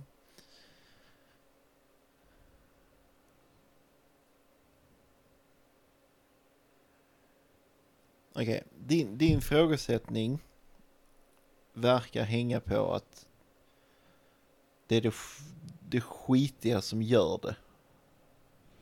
Nej, det, gör inte det, men det tillför. Ja, Men du hade kunnat ta bort det från I Like It, jag hade fortfarande tyckt det var en bra låt. jag tror jag hade tyckt det var en bättre låt. Mm, ja det sa du innan, men jag undrar ju liksom, om man då tar liksom att du inte är, okej Foo Fighters kanske inte är det bästa exemplet och du har inte hört Alter Bridge, men liksom, hade du verkligen fastnat mer för det bara för att det är mer polerad ljudbild? För att jag menar, om man lyssnar på deras debutskiva, som är självbetitlad, så känner jag att där är ju ett annat sound än vad det är här. Mm. Eller kanske inte sound, men det är ett annat produktionsvärde. Ja. Du ställer svåra frågor Glenn. Svåra frågor. Där är, som jag sa, jag är kluven. Där är saker jag gillar med detta bandet och där är saker jag inte gillar. Mm, Men jag har väldigt svårt för att sätta fingret på exakt vad det är. okej. Men, ja. För du sa du uppskattar I like it mer nu. Ja, När du det, hörde den det igen. tycker jag är konstigt. Mm. Men vad var det för känsla som du fick då när vi lyssnade precis?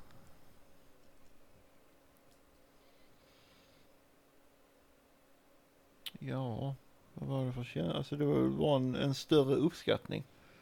Jag kan inte förklara det på något bättre sätt. Men är det en vanesak då?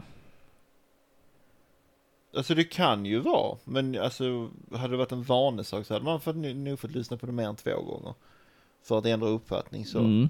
Alltså det var inte det att jag tyckte det var dåligt första gången, jag tyckte ju, Du, du tyckte jag den uppskattar den mer nu. Ja Mm. precis, jag, den, det var eh, Mm. en i högen liksom innan. Men nu, så av någon anledning så uppskattar jag det mer. Mm. För jag tycker I Like It funkar lite som deras hitlåt så att säga. Eh, Jag ska kanske inte dra paralleller till Nirvanas Smells Like Teen Spirit och Mm. Soundgarns Black Horse Sun. Men jag tycker den, jag tycker den sticker ut på det sättet att den är väldigt, eh, den är så fruktansvärt riffbaserad och väldigt enkel i strukturen som jag vet att många av deras andra låtar är lite mer lekfulla Ja. i den tematiken. Mm. Så där tycker jag ju I Like It sticker ut på det sättet. Eh, Men då gjorde det ju nästan motsatsen för dig, när du lyssnade första gången. ja, på något sätt. Mm. Jag har ingen förklaring till det. Men så är det. Ja, du får tänka på det. Jag får alltså. göra det. Ja. Då får, jag får nog återkomma i nästa avsnitt så jag inte vi hinner det nu. Nej, för om man då ska göra- säga liksom att Clockwork är deras, eh, ja det är ju deras debut-EP Mm. så att säga, om man inte räknar Seconds då eftersom de gjorde lite eh, line-up förändringar där ju. Jag tycker de hittade sig själv mycket bättre i Clockwork. Mm. Ehm, så tänk om man då jämför det till exempel med Soundgardens första Ultra Mega OK så tycker jag att här, där är ju en nivå, jag ska inte säga att det är högre än Soundgarden, men jag känner att The Granny Wrong är lite mer eh, hemma i sitt, i sitt sound redan där än vad kanske Soundgarden var på deras första. Eh, för äh, alltså Soundgardens första har ju stunder som jag älskar väldigt mycket. Mm. Men det som sedan blev Soundgarden kom ju inte från F, alltså skivorna som följde efter den. Eh, och här om man tar då The Granny Wrong med Clockwork, så de bitarna som finns här följer ju med ända upp till andra skivan som vi också kommer in på senare. Ja. Tycker jag i alla fall. Ja. Men även att de utvecklar både ljudbild och sound och även experimenterar väldigt mycket med deras sätt att skriva. Ja. ja, en utveckling är det ju helt klart. Ja. Så jag tänker vi går vidare då. Och försöker djupdyka i den utvecklingen. Ja. Mm. Ska vi lyssna på Yeah Sayer? Ja. Som kommer från deras självbetitlade debutskiva. Ja. Kommer här.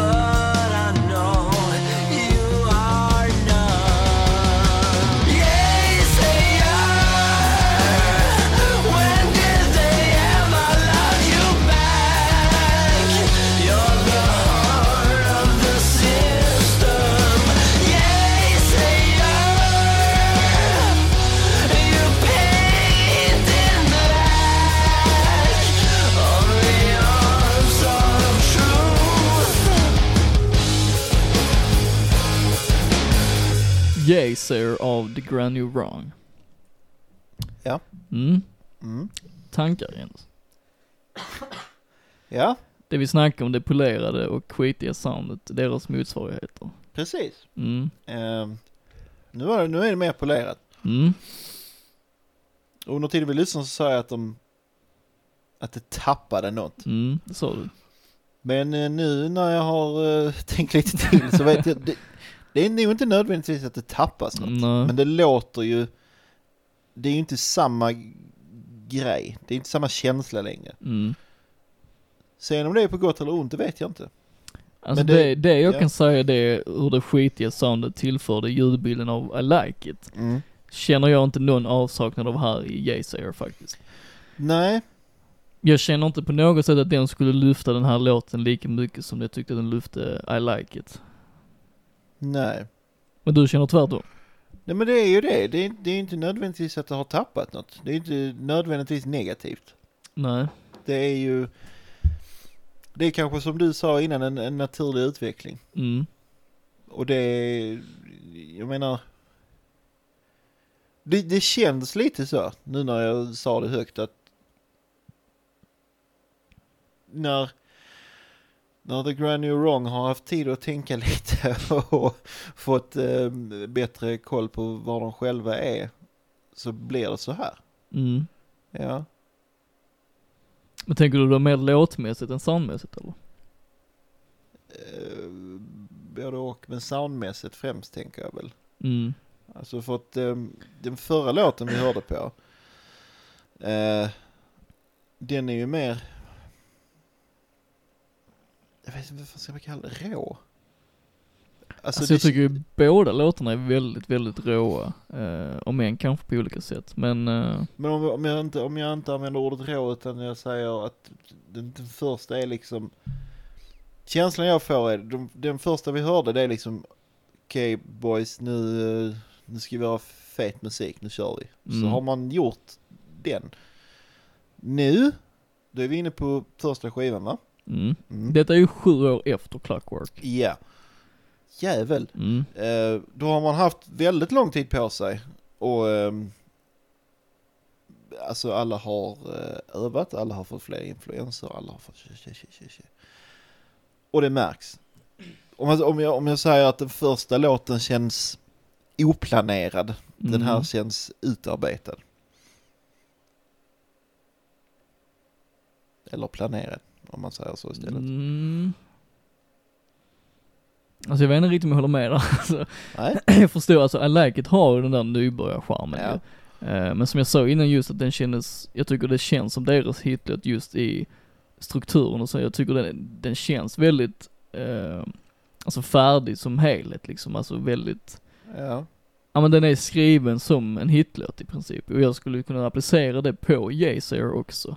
Ja. Uh, vilket du också gjorde då, eftersom du tyckte det kändes utarbetat så Mm. att säga. Mm. Ehm, men jag menar hela deras sound och sånt tycker jag ju är, hänger kvar från EPen Clockwork. Även om den skitiga ljud... Ja men det tycker ja. jag, det tycker jag. Så man hör ju att det är dem liksom, men även om, även då utan den skitiga ljudbilden så att säga. Precis. För jag känner bara att den här skivan har ju ändå vunnit på att det inte låter som Clockwork. Ja, Mm, det har den. ja. Men det roliga här är om man skulle ta den här raffineringen och sätta på EPn. Vad menar du? Jag, jag menar om, eh, om bandet skulle gå in i studion och spela, spela in Clockworks igen. Hur hade det låtit då? Ja, jag tror ju det hade låtit som eh, de två senaste skivorna i, eh, alltså mycket i, eh, i ljudbilden då. Ja, och hade det tillfört eller tagit bort? Alltså just, alltså tänker man låtmässigt så tyckte jag ju att det skitiga soundet tillförde i, Mm. eh, kanske främst I like it som vi lyssnade på då innan, men jag känner ju inte att det är nödvändigt här. Eh, men som, som jag också sa med I like it, jag tycker det är en bra låt oavsett med den, eh, det stilvalet vad man nu ska kalla Mm. det. Eh, för jag tycker de har väldigt många låtar som är starka i grunden. Ja, Oavsett hur de har valt att producera det. ja. Eh, för just Jazer, om man då ska välja, alltså fortsätta i spåret just i det skitiga sånt, så tycker jag att deras attityd ersätter det här. Jag tycker attityden är mer framhävande här än vad det var i I Like It. Det håller jag med om, Ja. 100%. Ja. Och det är ju också lite så intressant i och med att det har gått sju år emellan dessa eh, Ja. låtarna ju. Eh, och attityd är ju ofta något som man, man kanske har i början när man har en ganska lättsam inställning till vad Ja. det faktiskt innebär att skapa musik och man vet liksom att ja, men vi har framtiden Mm. framför oss så att säga. Men det, det är ju kanske, det har väl växt fram liksom. Tillsammans med allt annat. Ja men jag tror att egentligen så är väl attityd något som försvinner med tiden ju mer man inser att okej,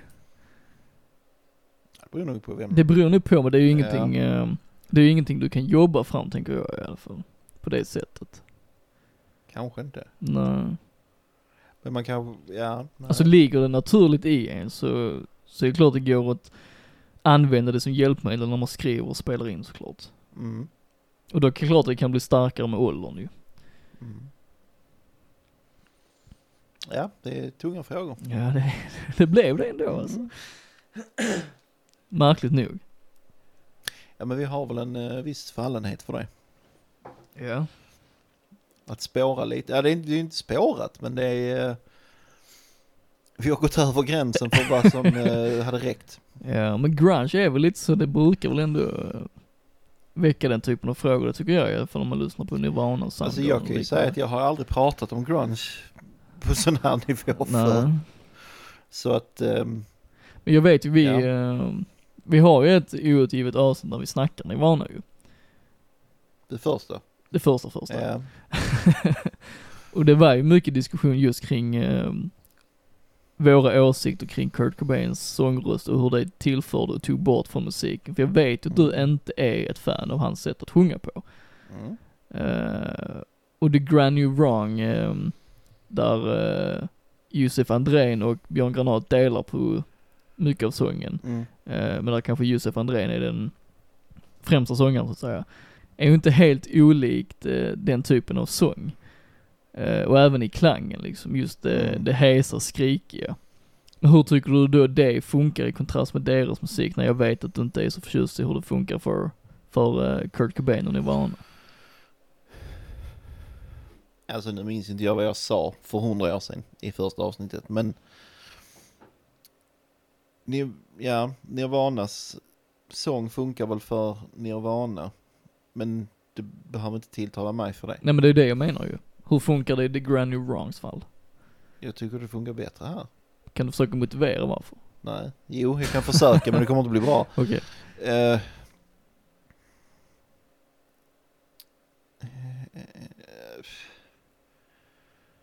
Alltså, vi, jag, men ska jag motivera varför jag gillar sången här? Mm.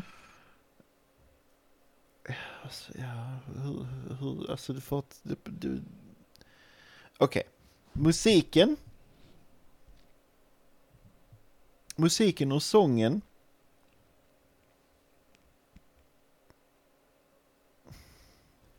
Kompletterar varandra. Alltså, om, om du skulle isolera sången.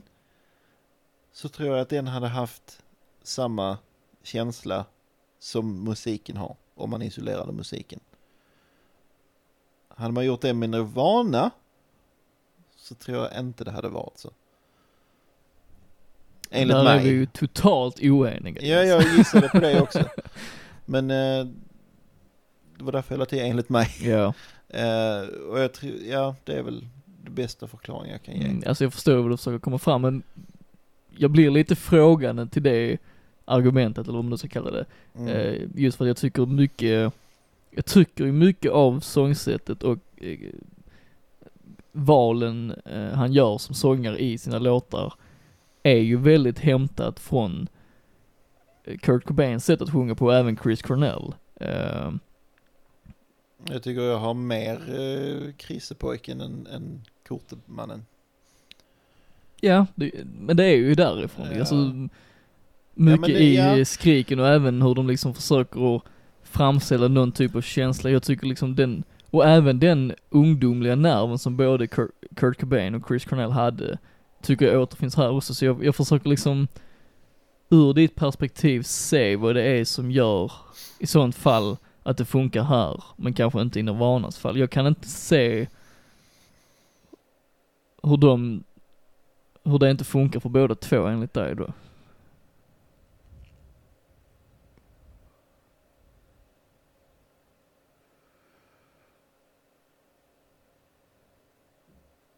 Alltså, jag tror inte jag kan förklara det. Okej. Alltså, Men det, men det är väl bara en sån... Men jag vet inte, det kan ju hänga med att man har hört Nirvana i hundra år. Du menar att det tar bort från känslan? Nej, men alltså jag menar att jag är så... Man är så van vid Nirvana. Eftersom man, alltså de är ju ogudligt stora. Så man har ju hört det så många gånger så att man liksom kan det utan och innan, i alla fall hitsen. Medan det här är något nytt. Jag vet inte om det har någon effekt. Så du menar att om The Granny Wrong hade varit lika stor som Nirvana så hade du inte känt likadant som du beskrev innan? Kanske inte, jag vet inte. Nej. Men det har ju, det är ju, det har ju, det är inte objektivt. Det är ju, det är ju mig i så fall. Som Ja. det är fel på. Ja för du, du gillar ju inte Nirvana redan när man, om man bara skalar ner det till låtarna så att säga. Nej. Eh, vad skulle du då säga är den stora skillnaden här? Alltså hur mycket uppskattar du, du, du eh, The Granny Wrongs låtar? Alltså jag tycker ju inte att Nirvana och, och, och de Granny Wrong låter likadant. Nej, nej det gör de ju inte. Alltså det är ju, Så att redan det där man är hör, det, där är väldigt tydliga element i vissa låtar som är rakt av, både från Nirvana, Soundgarden, Alice in Chains. Men det jag försökte få fram var liksom, vad är det då med deras musik som gör att du kanske blir mer tilltalad av sången än i Nirvanas fall? Alltså hur starka tycker du The Granny Wrongs låtar är i jämförelse?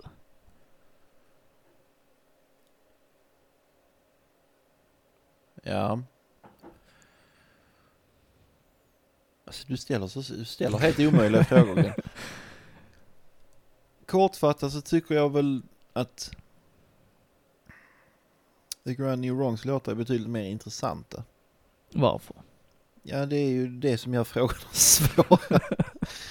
det är, jag gillar deras eh, ljudbild, jag gillar deras eh, sätt att sätta ihop låtar, jag gillar att det inte är... Även om det kan vara väldigt basic så har de ju vissa låtar där det inte är så basic. Mm. Och med, med inte basic så menar jag inte att oh, 10 minuter långt gitarrsolo och sånt avancerat utan jag menar bara att det är annorlunda.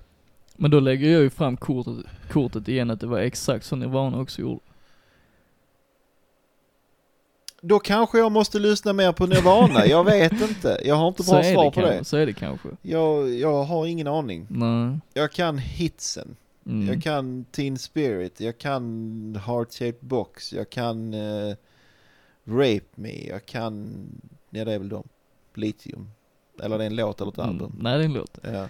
Uh, du minns inte den låten jag hade med i första avsnittet? Den gillar du inte alls? Oh, jag minns hur den går, jag vet inte vad den heter. Okej. Serve the Servants var det ju. Så var det. Men där gjorde de ju, alltså det var, det är ju också ett klockrent exempel på lite det du beskrev precis, hur Nirvana valde att eh, bygga sina låtar, precis som Mm. The Granny Wrong också gör. Eh, så jag tycker det är intressant att du kan vara liksom, gå på två håll i någonting som är så uppenbart influerat liksom. Ja, men jag vet ju inte det, för att jag är inte, Nej men du behöver ju inte veta men du upplever det ändå när du hör det ju. upp, upplever jag att det är influerat. Nej, men skillnaden mellan Ja, ja. The Granny Wrong och Nirvana. Du, Ja. du skiljer dem åt för att du inte gillar Nirvana, men du gillar The Granny Wrong. Då behöver du inte Ja, veta ja. vad... Nej, okej, jag, mm. jag har inget bra svar. Okej, vi kanske får lämna den diskussionen och vi kanske inte kommer längre. Men vi kan väl konstatera att även som en outsider så hör jag att det är skillnad. Mm. Ja, det är väl bra. Men du har inte likheterna. Nej. Nej. Det är för att jag inte är tillräckligt inlyssnad. Men så kan det vara ju, men det var, det var mycket där med sången och det vi var inne på som Ja. jag blev lite frågande till. Men, Ja. eh, Ja men alla kan inte vara grunge-experter Glenn. du behöver inte vara expert, men du upplever, du uppfattar ju ändå när du lyssnar. det är Ja, det jag men, försöker- men jag, jo, men jag kan ju inte, jag kan inte gå in med Nej, på djupet liksom. nej, nej, jag förstår, jag förstår Jens. Vi, eh, vi ska lyssna mer. Det tycker jag fan med att vi ska. Från samma självbetitlade debutskiva. Ja. Kommer den, eh, jag gillar eh, titeln här. Okej, Poor Man's Hercules. okej. Kommer här.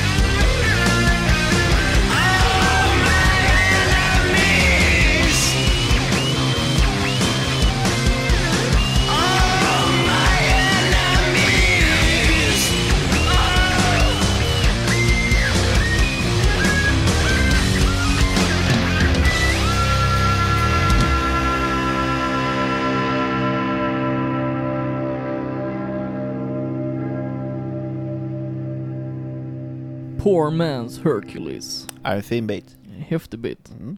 Riktigt kul detta ju. Ja, fin är kanske inte rätt ord. Men vad fet. Ja, men jag tycker det är fin i sitt sammanhang tycker jag.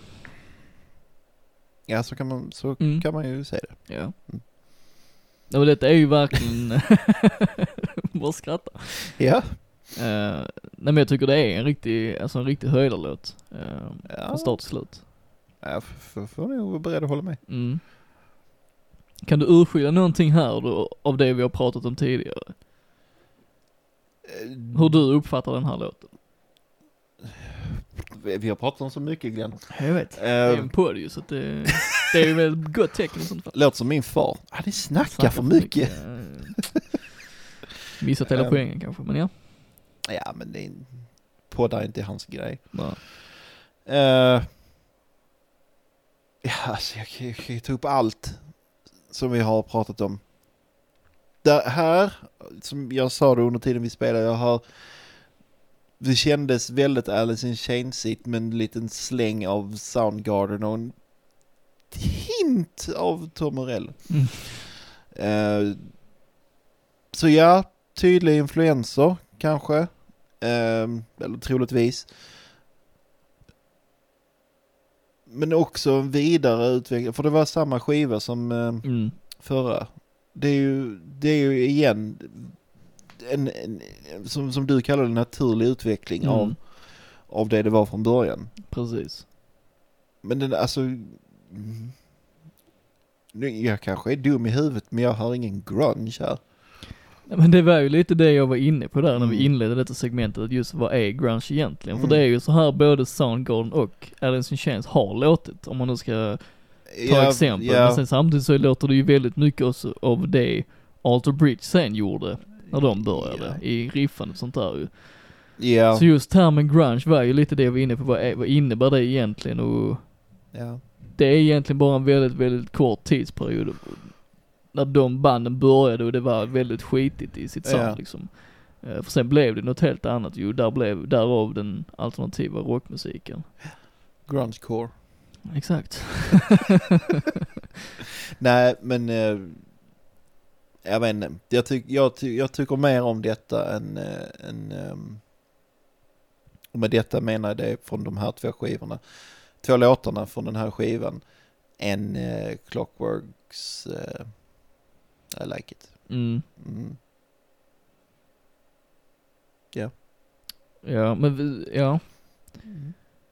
Och det, det kan hänga på det raffinerade soundet. Och, ja, det kanske det gör. Mm. Men det, jag, jag tror inte det är bara det, för det känns all, all, allting låter bättre. Tycker jag. Ja. Även om det inte var något fel på I like it så är detta en... Det är mer och det är bättre. Men hade du då tagit bort någonting för dig om vi hade lagt till det skitiga soundet? Vet inte. Nej okej. Det får vi fråga om de kan göra. Så får de skicka låten. Ja för det påminner mig lite om när uh, Foo Fighters också varit lite inne och lekt i, eh, i hyllningsterritorium till Ja. den tiden. Ja, Eh, om man tar White Limo från Wasting Light som exempel. Just att det ska vara, det är nutid men ändå den där nerven i det lite skitiga soundet. För att även om vi säger liksom att eh, de här två låtarna har varit mer, eh, och även den första skivan i sin helhet är mer polerad än Clockwork.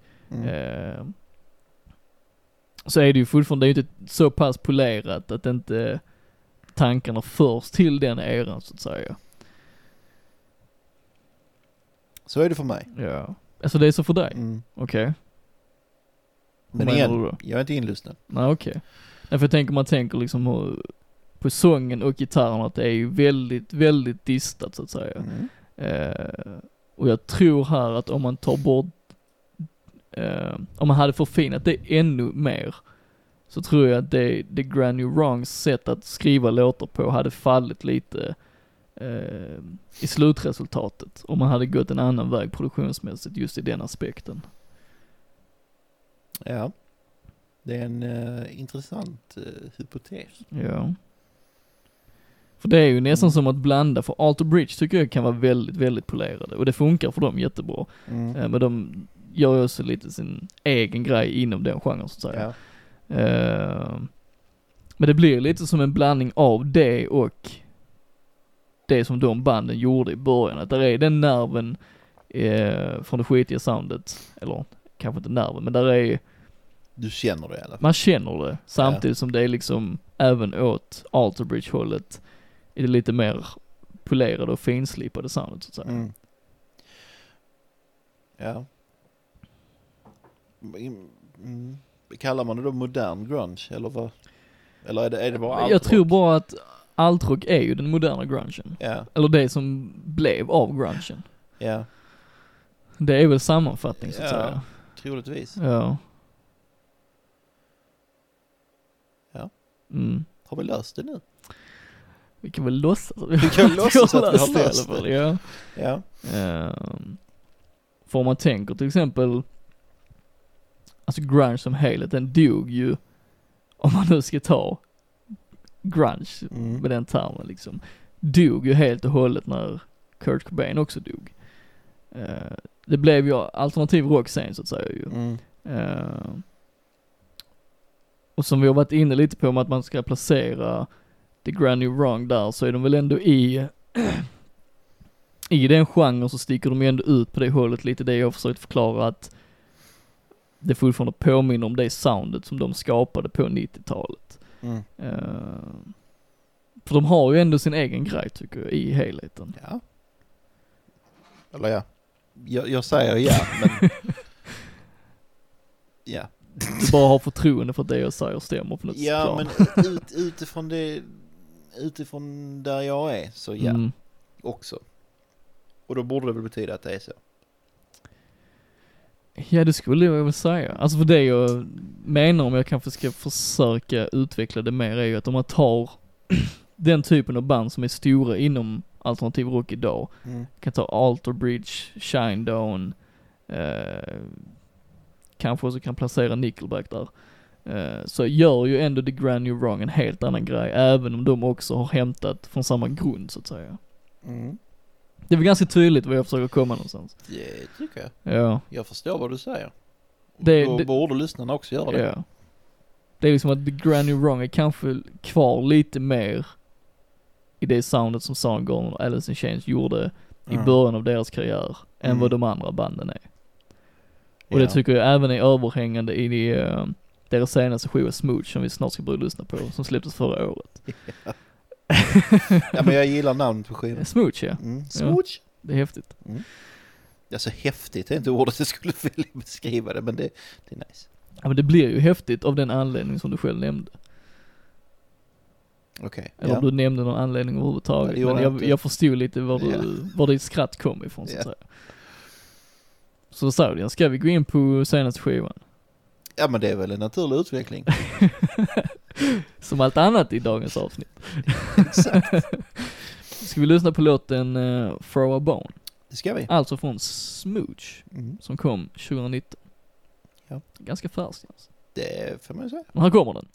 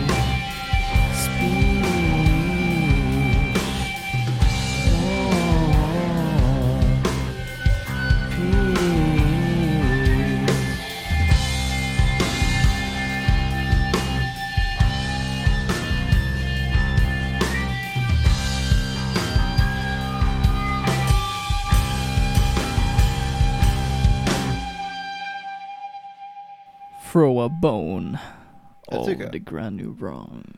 Ja. Från senaste skivan, Ja. Smooch. Smuts. Är det basbaserat Jens? Faktiskt inte. Okej. Det, alltså det är kanske en del av det, Mm. undermedvetet. Men eh, anledningen till att jag valde låten var för att när jag satt och lyssnade i min lyssningssession så tyckte jag att den skilde sig rätt så rejält från de Mm. andra. Eh, och det var väl främst det. Och sen så är det för att den är eh, tung som fan i sina stunder, vilket jag gillar. Och samtidigt så är den chill groovy. Mm. Hur, hur man, alltså den skiftar Ja, mellan, mellan chill groove och tung som fan. Mm. Så jag gillar den kontrasten. Ja. Ja, så det är väl det. Den är det säkert för att det är basdrivet. det, men jag kan inte hjälpa det. Nej men så är det ju. Så är det. Ja. Um, Det här Jävligt är fet låt. riktigt bra låt är det ju. ja, Riktigt bra låt är det.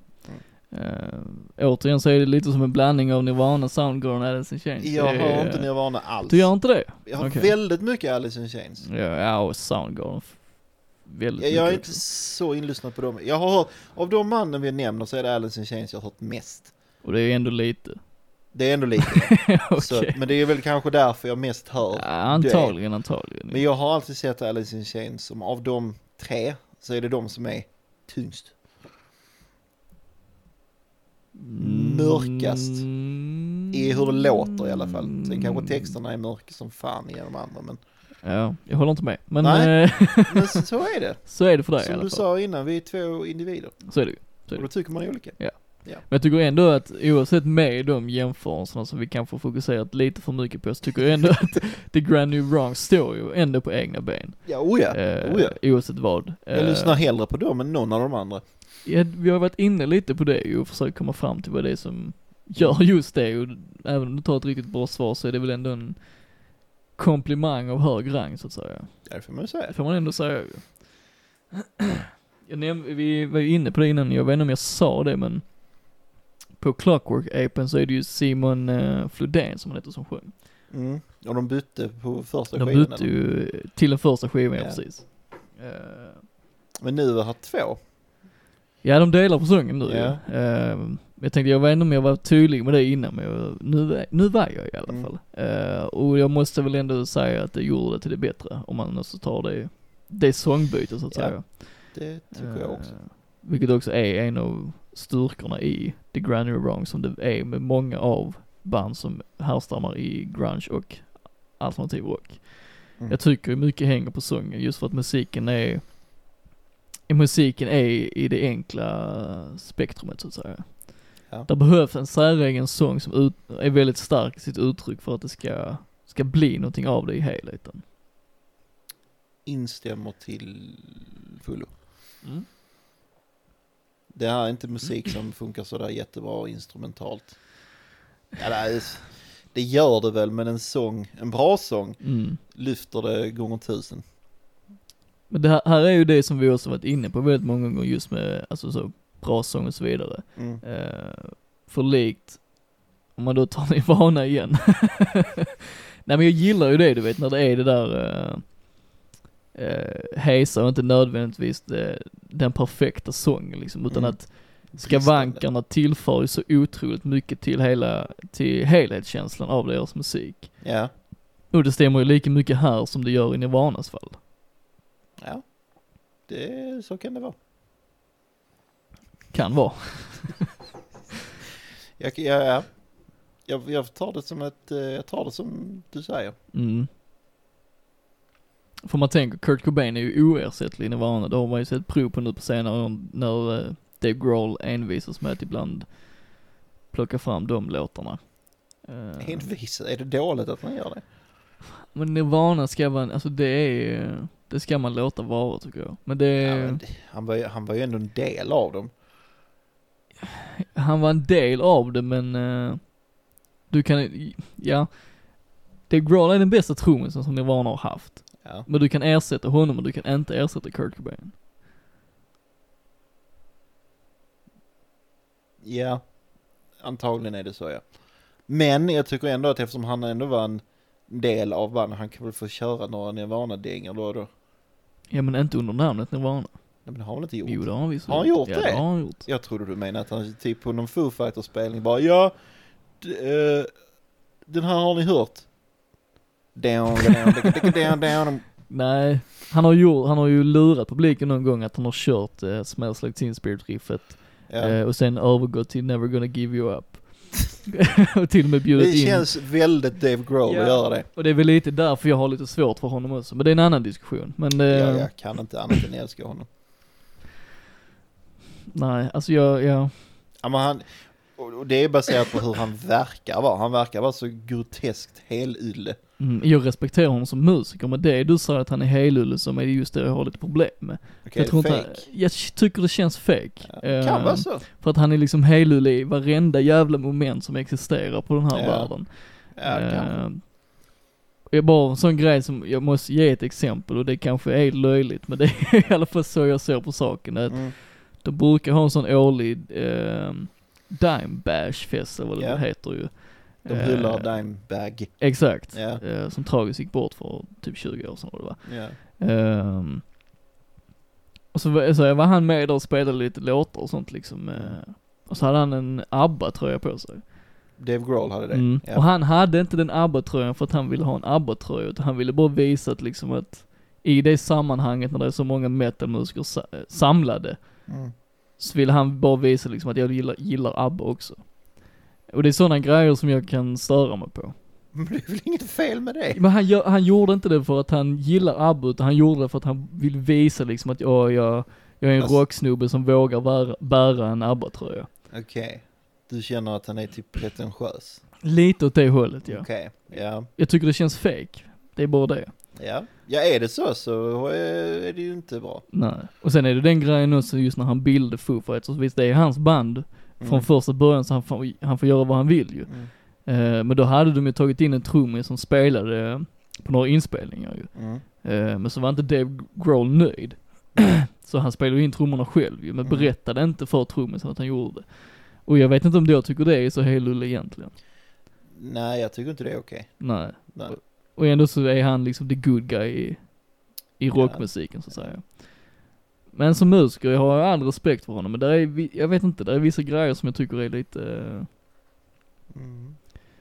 även om man kollar liksom på gamla intervjuer med Nirvana och sånt så känns han som en helt annan person lite tycker jag. Men, ja, jag vet inte. Det är min uppfattning, Men men, eh, jag gillar... Och... Om bilden som media målat upp av honom är sann så gillar jag honom. Stämmer det du säger så är det bara bli. Alltså jag vet inte om någonting av det stämmer, men det är ju en känsla man får baserat på vad han gör liksom. Eh, Ja, du har kanske mer koll på vad han gör än vad jag har. Men ja, nej men jag kanske läser in det helt fel, men jag får ju ändå gå efter känslan som jag upplever honom. du, och hans du, du läser... eh, Du, lä, du läser... eh, Du läser rockvärldens version av avpixlat. Bara massa, massa trams och konspirationer och allting. Nej, alltså jag har inte... Dave Grohl är död. Men det är ju lite det som är grejen också, att jag läser aldrig någon som inte gillar Dave Grohl. Utan det känns Nej. som jag är ensam i världen med den uppfattningen också. Ja, det är det ju inte. Nej, det, det är Men jag du- inte, men man hittar hitta ju inte den informationen någonstans Nej.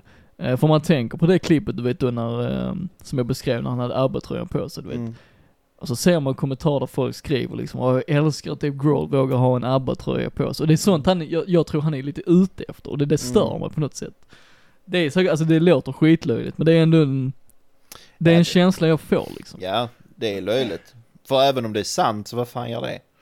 Men jag fattar att Ja, du jo stör precis, dig på precis. Men han får gärna ha det på sig, det är Ja, inte det, ja. bara det jag känner att det inte, det är av lite fel anledning så att det. säga. Mm. En stor fet bild på Göran Persson. Ja men då hade jag säkert hittat något sätt att klaga på det. Alltså. Säkert. Jag bara visa rockvärlden. Det fanns en statsminister för. Precis. Sen jag menar när jag såg, eh, när jag såg Foo Fighters live ju, Mm. eh, som också är en, en av de bästa konsertupplevelserna jag haft av många anledningar, just det att han bröt ju benet där på Ullevi. Du, det var, du var, Jag var där, där ja, Det var du som drog ner honom och...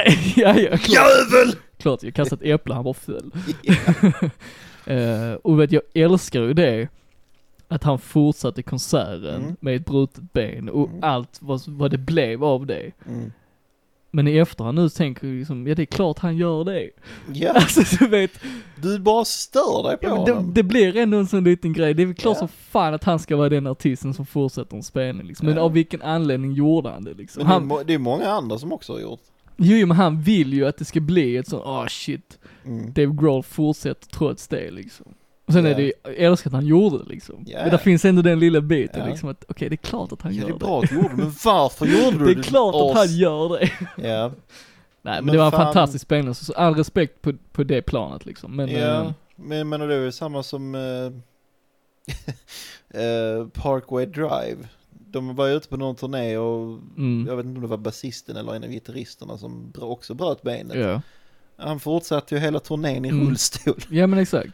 Och menar, sitta i rullstol och headbanga det är inte... Nej, men det, där, är inte där, världens där blir det lite mer hederligt på något sätt. Men det är klart att, ja, Ja, det, men det är det jag menar. att- men sen är det klart att uppståndelsen kring, kring Dave Grohl kan han kanske inte riktigt hjälpa eftersom Foo Fighters är så mycket större Precis, redan från början. Men sen precis. samtidigt, jag bara vet att han njuter av vetskapen att det sprids.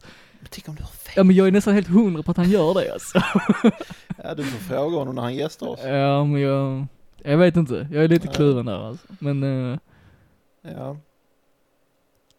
Ja, lyssnar du Grohl så är du välkommen. Du kan få klarhet i detta. precis. Jag vet inte ens hur vi kom in på detta från första början men, eh, För att han är med i Nirvana.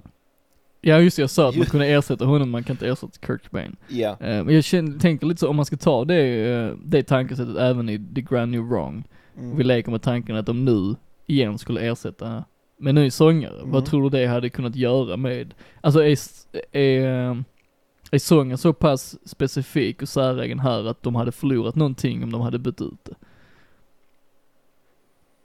Ja, Det beror ju helt på vilken den nya sångaren är. Alltså men jag om- tror om- att det ju kunnat vara båda håll.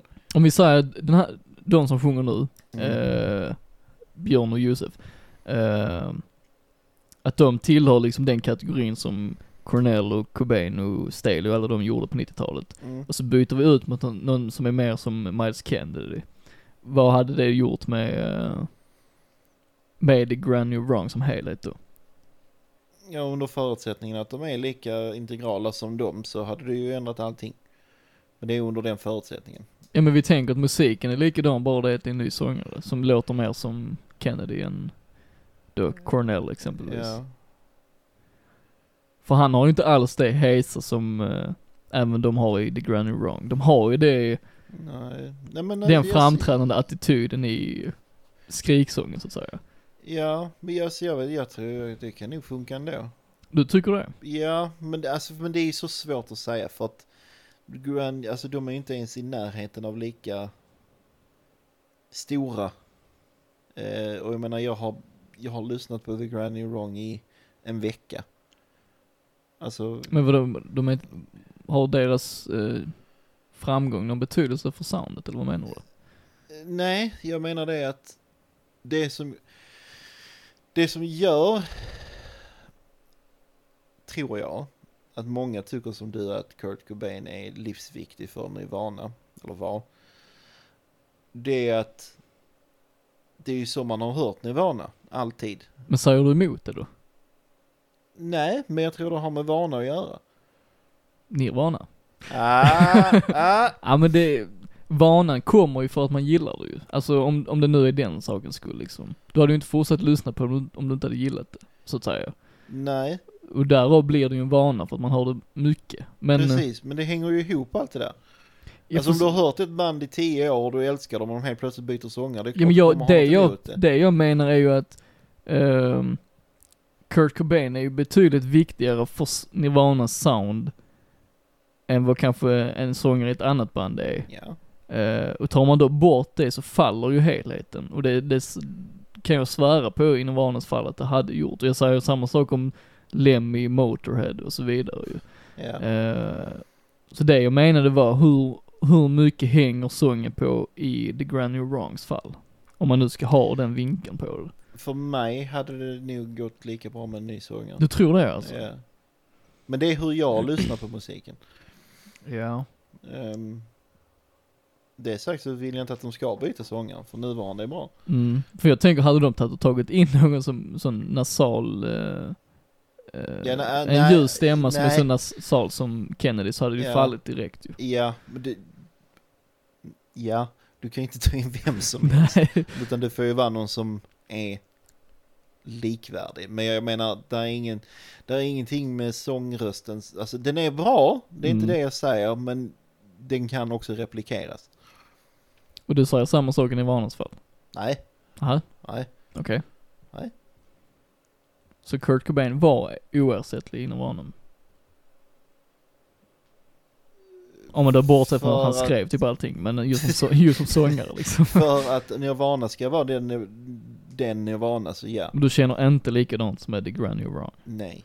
Okej, jag är, jag vet inte om jag håller med faktiskt alltså. Nej, Eh, det behöver man inte göra. nej, för jag tycker ändå att, eh, jag, kan, jag kan hålla med om att, uh, sånginsatsen här är ju, är ju jämförelsevis med eh, de tidigare banden en aning anonym. Eh, Precis, just för den är inte de- lika integral. Nej, de andra är ju betydligt mer framstående just i den bemärkelsen. Men jag tror också att det är mycket det som gör att The Granny Wrong tilltalar mig just för att de är i den genren också. Ja men så, Eh, så kan det ju vara Och jag tror att de samtidigt. vinner på det liksom. För skulle man ta in en sångare som kanske är mer renodlad, eh, rent tekniskt, som Cornell, eller Ja, vem man nu vill jämföra med, så tror jag de hade förlorat lite. Ja. Jag gillar ju det där att det fortfarande liksom tio år in i deras karriär har lite den där nybörjarcharmen så att säga.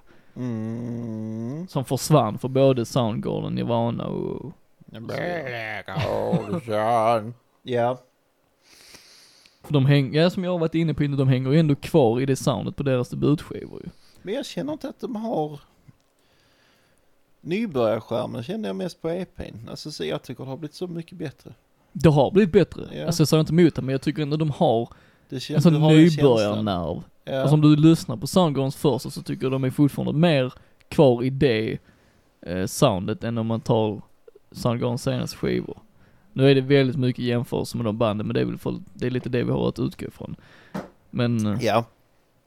Ja men det är ju det vi kan jämföra med också. Ja. Så att, fan ska vi göra? för jag tycker de är, alltså de är jätteskickliga som musiker och sånt, men jag tycker ändå, det hänger väl kanske mycket på soundet och ljudbilden, att det ändå finns en, ja någon, eh, lite nybörjare i attityden och nerven och inställningen till det de ju håller på med. Ja. Ja, Mm. jag... Ja, Ja, men så kan det vara ju. så kan det vara. Jag nämnde ju tidigare att uh, The Granny Wrong varit en del av Never Too Loud Unsigned, Eh, ja. som jag hade innan. Ja. Eh, och då recenserade jag deras EP Second, som då var det första de släppt tror jag. Ja. Eh, vi har inte lyssnat någonting från den nu, men uh, oavsett vad. Och i slutet av den recensionen skrev jag så här. Så Ja. jag ska läsa det för dig nu Jens.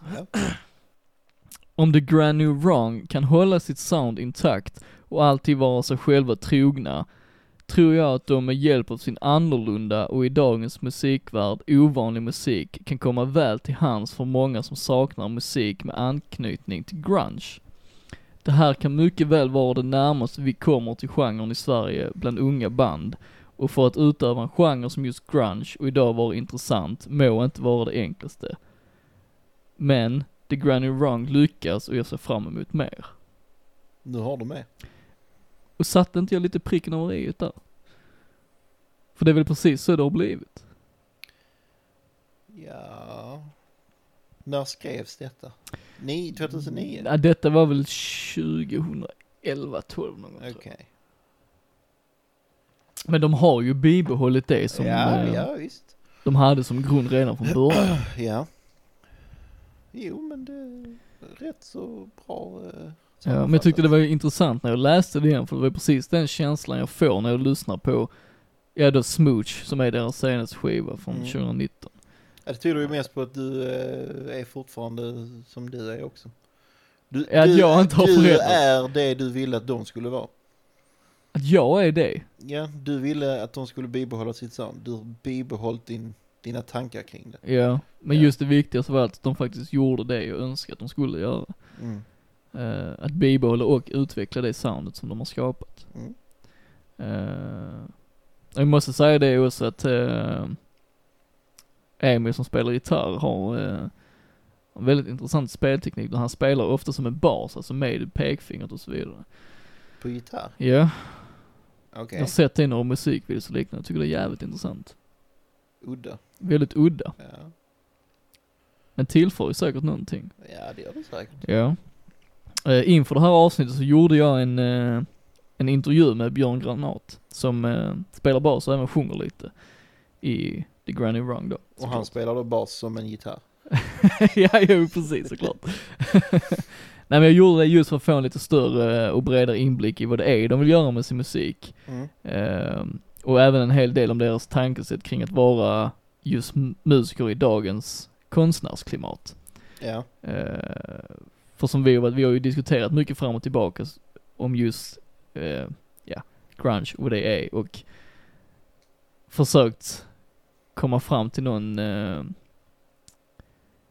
komma fram till helheten som är The Granny Wrong. Men nu tänker Ja. jag, nu ska vi höra det från bandet själva så att säga. och detta var basisten. Detta är basisten ja. Ja. Björn Granat. Så den intervjun kommer nu. Ni bildades ju redan 2009 och har bland annat genomgått ett sångbyte sedan dess. Men vad skulle du säga har varit den största utvecklingen för er som band? Ja, vi har, vi har också bytt och återfått en gitarrist. Eh, strax efter starten 2009 så hoppade Emil av men kom tillbaka lagom till att vi skulle spela in vår första fullängdare. Eh, och den största utvecklingen sedan starten är nog egentligen hur involverade alla blivit i låtskrivandet. Att vi faktiskt lärt känna varandra ännu bättre som personer och musiker och människor och sådär. Um, och hur vi skriver och spelar in musik har också ändrats väldigt också. Um, sen har ju det har gått tio år sedan dess så vi är på, på många sätt en, en helt annan människa än, än vem man var då får man ändå säga. Ja, jo men så är det ju såklart. Ehm, uh, 2010 släppte ni EPn Clockwork. Eh, men sedan tog det sju år innan den självbetitlade debuten kom. Eh, varför tog det egentligen så många år innan ni debuterade med ett album? Vi hade nog varken tillräckligt fokus eller erfarenhet. Eh, 2010 hade jag aldrig spelat in ett helt album till exempel. Ehm, och dessutom så var det en hel del saker privat och med bandet som gjorde att vi så när vi, när vi släppte vårt första album så hade vi hållit på att spela in och mixa och greja och sådär till och från i säkert två år. Um, så tappade vi våran sångare Simon under den tiden till exempel. Så att det var lite sådana grejer som, som eh, gjorde att det drog ut på tiden. Eh, och vi behövde tänka om lite hur bandet skulle se ut efter att Simon slutade. Okej, okay, Okej, jag förstår. Uh, när jag lyssnar på ert första album och det senaste, Smooch, uh, känns det som att ni har haft lite olika ambitioner när det kommer till att skriva och producera. Uh, kan du beskriva de olika processerna kring skapandet av era skivor? Jag, jag, jag är nog beredd att hålla med om att det känns som att vi har lite olika ambitioner och sen när det gäller första albumet och sen vårt andra då som är det senaste som jag släppt. Ehm, första albumet så vände vi oss till våran kompis Viktor Stenqvist då som tidigare hade producerat våran singel Hands of Time några år innan dess.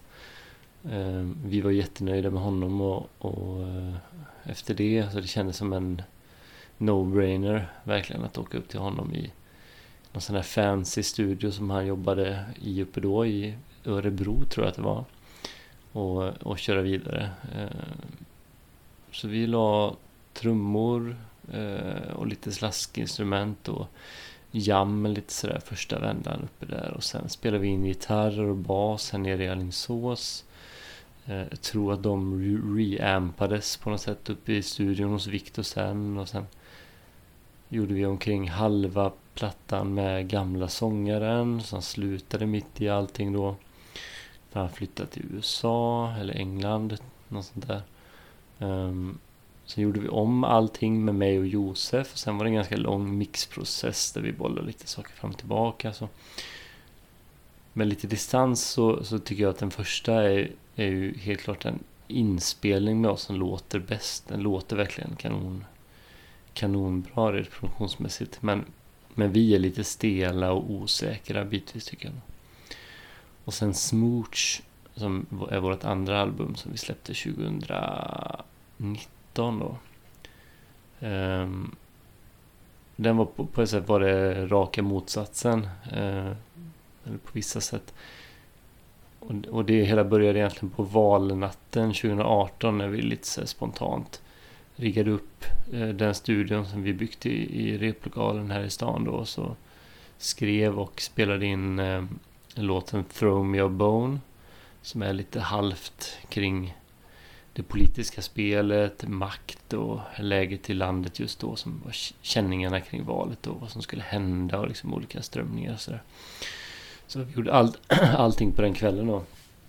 Eller jag tror låten skrevs väl kanske kvällen innan och sen så arrade vi liksom och, och spelade in och skrev färdigt sången och spelade in och, och mixade lite snabbt så. På, på valnatten där. Eh, och sen körde vi egentligen bara vidare de kommande veckorna och månaderna.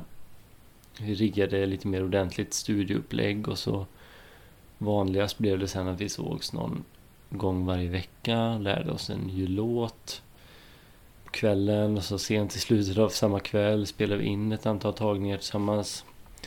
Och sen senare la vi sång över och skrev färdigt och, och lite pålägg och sådär. Det var första gången som vi gjort ett album där vi spelar allting live tillsammans i studion och sen bara lägger på lite grejer ovanpå.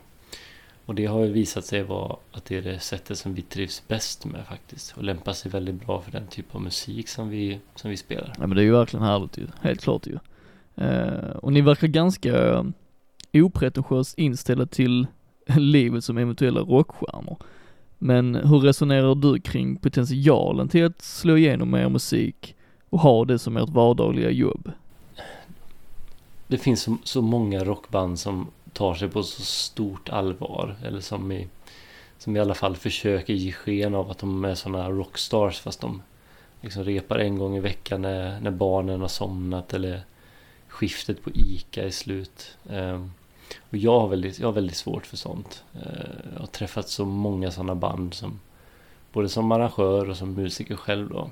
Eh, så det behövs, det behövs verkligen inte fler sådana här som har attityd och eyeliner och backing tracks och delay-pedaler och managers och så, sånt där. Fast de är liksom Fast de är på en sån låg nivå egentligen. Fast de på något sätt lever ut någon sorts rockstar-liv sådär. Vi har aldrig försökt vi har aldrig haft något stort genombrott i sikte eller försökt att slå i radio eller något sånt där. Vi startade bandet, eller för att i alla fall jag, jag saknade ett sånt här band då, eller den här typen av band. Eh, och jag vill spela sån här musik. Eh, och sen har vi alltid hoppats att folk gillar och lyssnar på det som vi ger ut. Eller kommer att kolla när vi spelar men eh, men våra musik är liksom inte sånt som vi tänker att det ska gå på radio nödvändigtvis eller Ja, det kanske inte spelar så stor roll eh, nu Nu för tiden i och för sig då men i dagsläget tror jag inte att det finns någon jätteefterfrågan på sådana här låtar som vi gör eh, från kommersiellt håll liksom. Då tror jag snarare att det är bättre att vi fortsätter göra det vi gillar istället för att försöka låta som något annat som folk redan lyssnar på för att man ska gilla det eller slå igenom på något sätt. Um, det är lite som jag, som jag ser det. Ja men jag håller helt med och jag tror det är bäst för de, ja i princip alla musiker egentligen. Uh, men ni är alla delaktiga i låtskrivandet. Hur skulle du beskriva tankesättet för er när det gäller att skriva låtar? Vi skriver musik allihop. Uh, och sen brukar det vara upp till mig eller Josef ehm, att sätta liksom sång till de olika låtarna och det sker ofta naturligt eh, beroende på om det kanske är hans låt eller min låt. Eh, nu senast har det varit ovanligt mycket mycket jam och snickrande och sådär tillsammans. Så vi har typ hundra små halvfärdiga idéer som vi håller på att bygga vidare på. Eh, tar man en sån idé och så får man se vilka låtar som liksom har det där när vi kört dem några vändor tillsammans. Och om det inte klickar så brukar det oftast bli så att de låtarna faller bort med tiden i alla fall. Att man liksom det är aldrig så att man säger ja tyvärr Björn din låt var inget bra. Utan det, det är liksom ja, de, de, eh, känns det inte rätt så brukar det gå ganska fort. Eh, att de liksom halkar bort på något sätt utom att man egentligen snackar om det så mycket. Ehm, tycker också det är gött att vara fler som skriver för då behöver man inte man behöver bara, jag behöver bara leverera några spår, några riktigt bra låtar så, här, så fyller man ett album ganska snabbt faktiskt. Så det har aldrig varit, aldrig varit brist på material så. Ehm, men vi är öppna för det mesta och vi kan väl tycka så att, att mycket av det vi har gjort tidigare har varit ganska spretigt och sådär men ehm, ja, jag har alltid sett det som att eh, jag, har aldrig sett det som något fult liksom att det ska vara spretigt utan jag tror det kan vara en styrka snarare. Att man inte, att varje låt inte låter samma sak eller på likadant. likadant. Det tror jag faktiskt. Ja det tror jag också. Jag tror det är bra tänk faktiskt.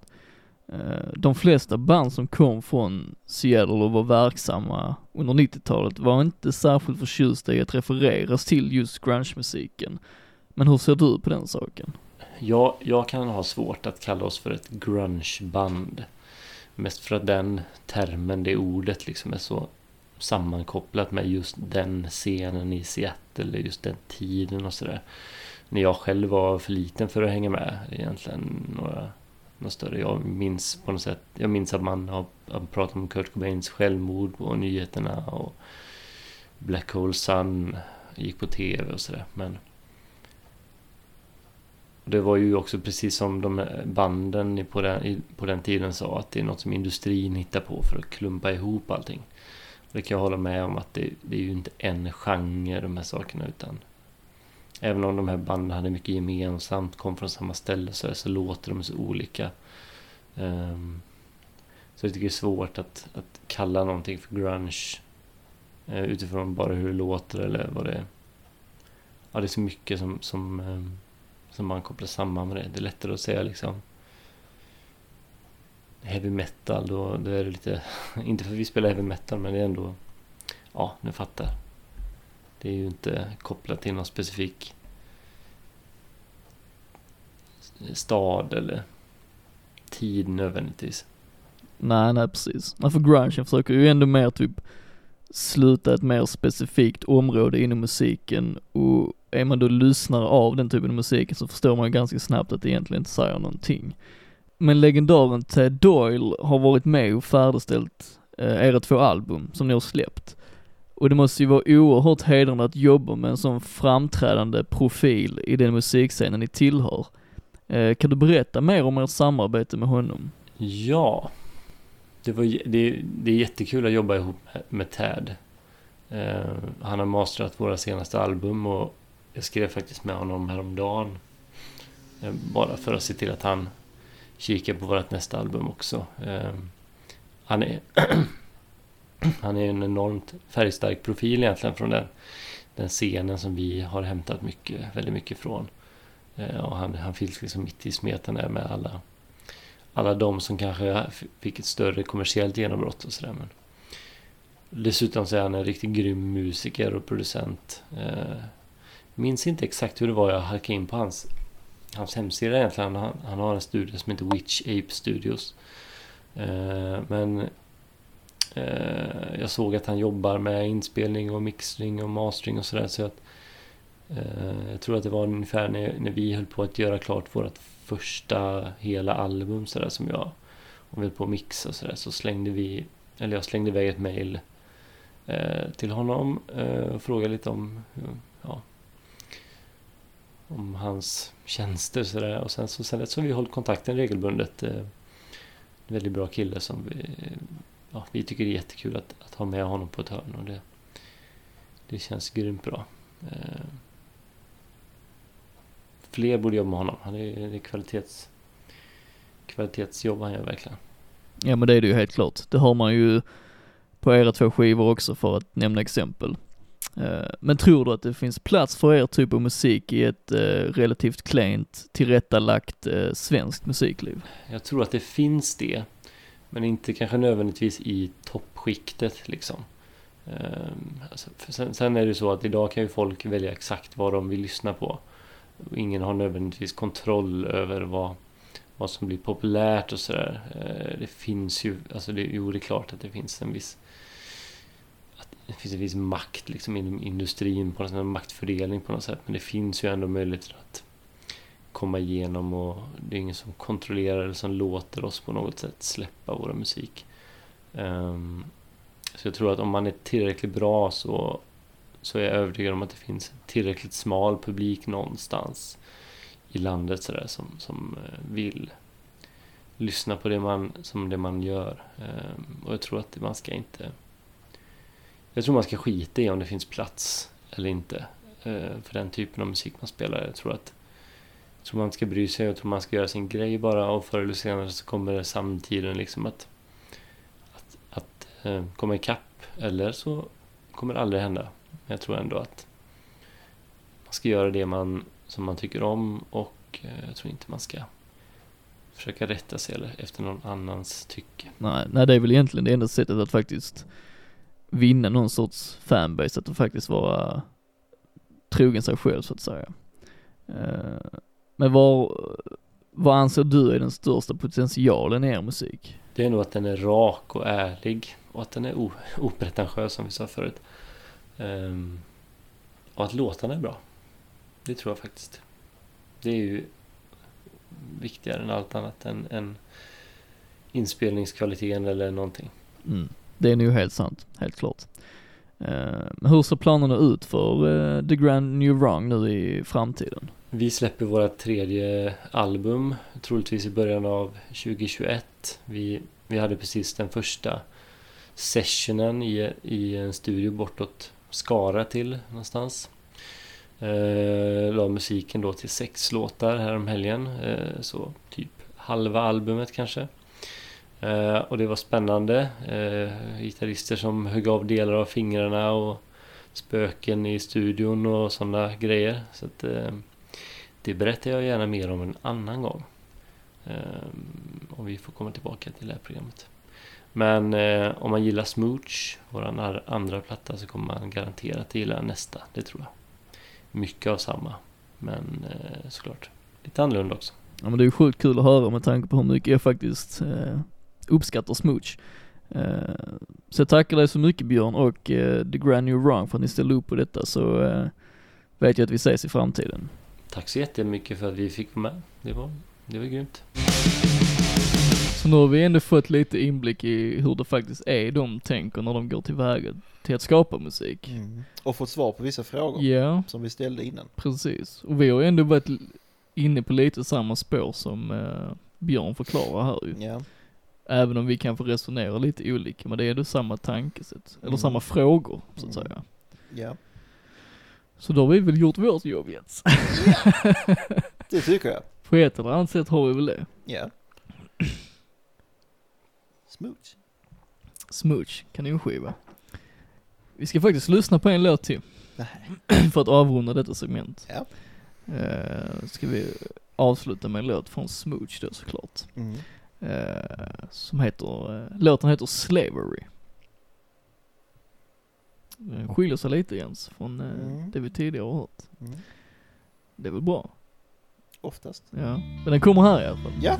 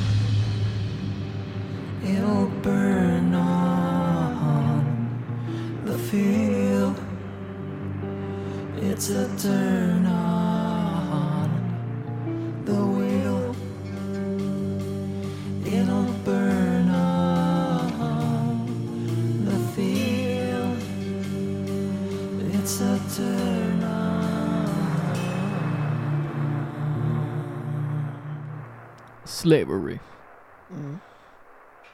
Den var annorlunda. av eh, The Grand New Wrong. Mm. Annorlunda stuk här ju. Ja, det är. Mm. Väldigt. Som Björn också var inne på i intervjun, att han gärna vill att låtarna ska, ska skilja sig åt liksom. Eh, olyckligtvis har vi väl kanske valt, eh, eller kanske inte olyckligtvis, men vi valde ju rätt många låtar som eh, har lite samma slutproduktion så att säga, Ja. även i låtstruktur och så vidare. Men det var väl mycket just för den samtalsämnet just med eh, hela grunge-debatten Ja. så att säga. ja. Eh, och även för att jag också tycker att de oftast är som bäst i det soundet så att säga. Eh, men det här är kul, Slavery. Det är kul. Mm. Jag, eh, tonföljden påminner mig väldigt mycket om eh, Soundgardens eh, Beyond the Wheel. Även om de gör två helt olika saker. Men eh, just det melodispråket tycker jag känner igen därifrån. Vilket inte är negativt. Som vi har varit inne på ett par gånger också. Ja. Men det är good shit Jens. är det. Mm. Du ser fundersam ut, jag vet inte. Nej. Inte? Nej. Eller jo, det gör jag kanske, men jag är inte fundersam. Okej. Du är, Trött. Ja men det är de eh, 98 procenten vi har Precis. pratat om ju. Alltid. Har du varit inne i de 2 procenten någon gång nu under detta avsnitt? Ja, tror Mm. jag nog. Det kanske är bäst för att det ska bli så bra som möjligt. Mm. Eller vad menar du? Nej Att men jag, jag- tänker det jag kanske är, uh, lyser igenom för lyssnaren om du är inne i de 98 procentens Ja, trötthet. ja, ja, ja. Som du är i nu. Ja, ja, nej. Nej, nu... Nu är du vrång. Tycker du? Nej. Vrång är fel ord. Ja alltså, ärligheten kanske ger en antydan till en vrång attityd men jag tycker inte jag håller med. Men det är ju en annan sak. Du Håller du inte med dig själv? Nej jag håller inte med dig. Om... Att du uppfattar mig som vrång. Okej. Nej, men det är helt okej, det får man göra. Eller inte göra i det här fallet. Alltså du menar, du får lov att uppfatta mig så och jag får lov att inte hålla med? Ja.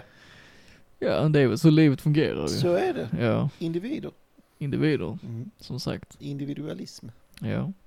Nej men som Björn sa i intervjun också så förhoppningsvis släpps det ju en, eh, en tredje skiva i början Ja. nästa år. Känns väl rätt så säkert. Ja, och det ser jag väldigt mycket fram emot. Se Ja. hur de har tagit sitt sound, Ja. hur de har tagit det vidare, ja. som de har gjort med Inget, de andra skivorna. de kan ju spela in, kanske inte till det svenska valet denna gången, men det är ju snart val i USA.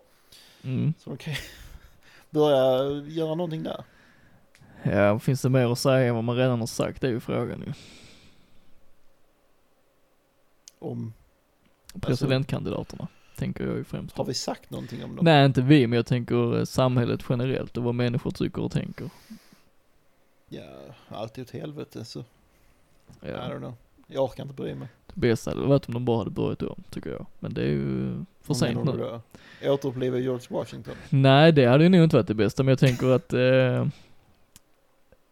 kandidaterna på sina håll kanske inte representerar det de borde representera från sina olika synvinklar. Både när det gäller Biden och Trump.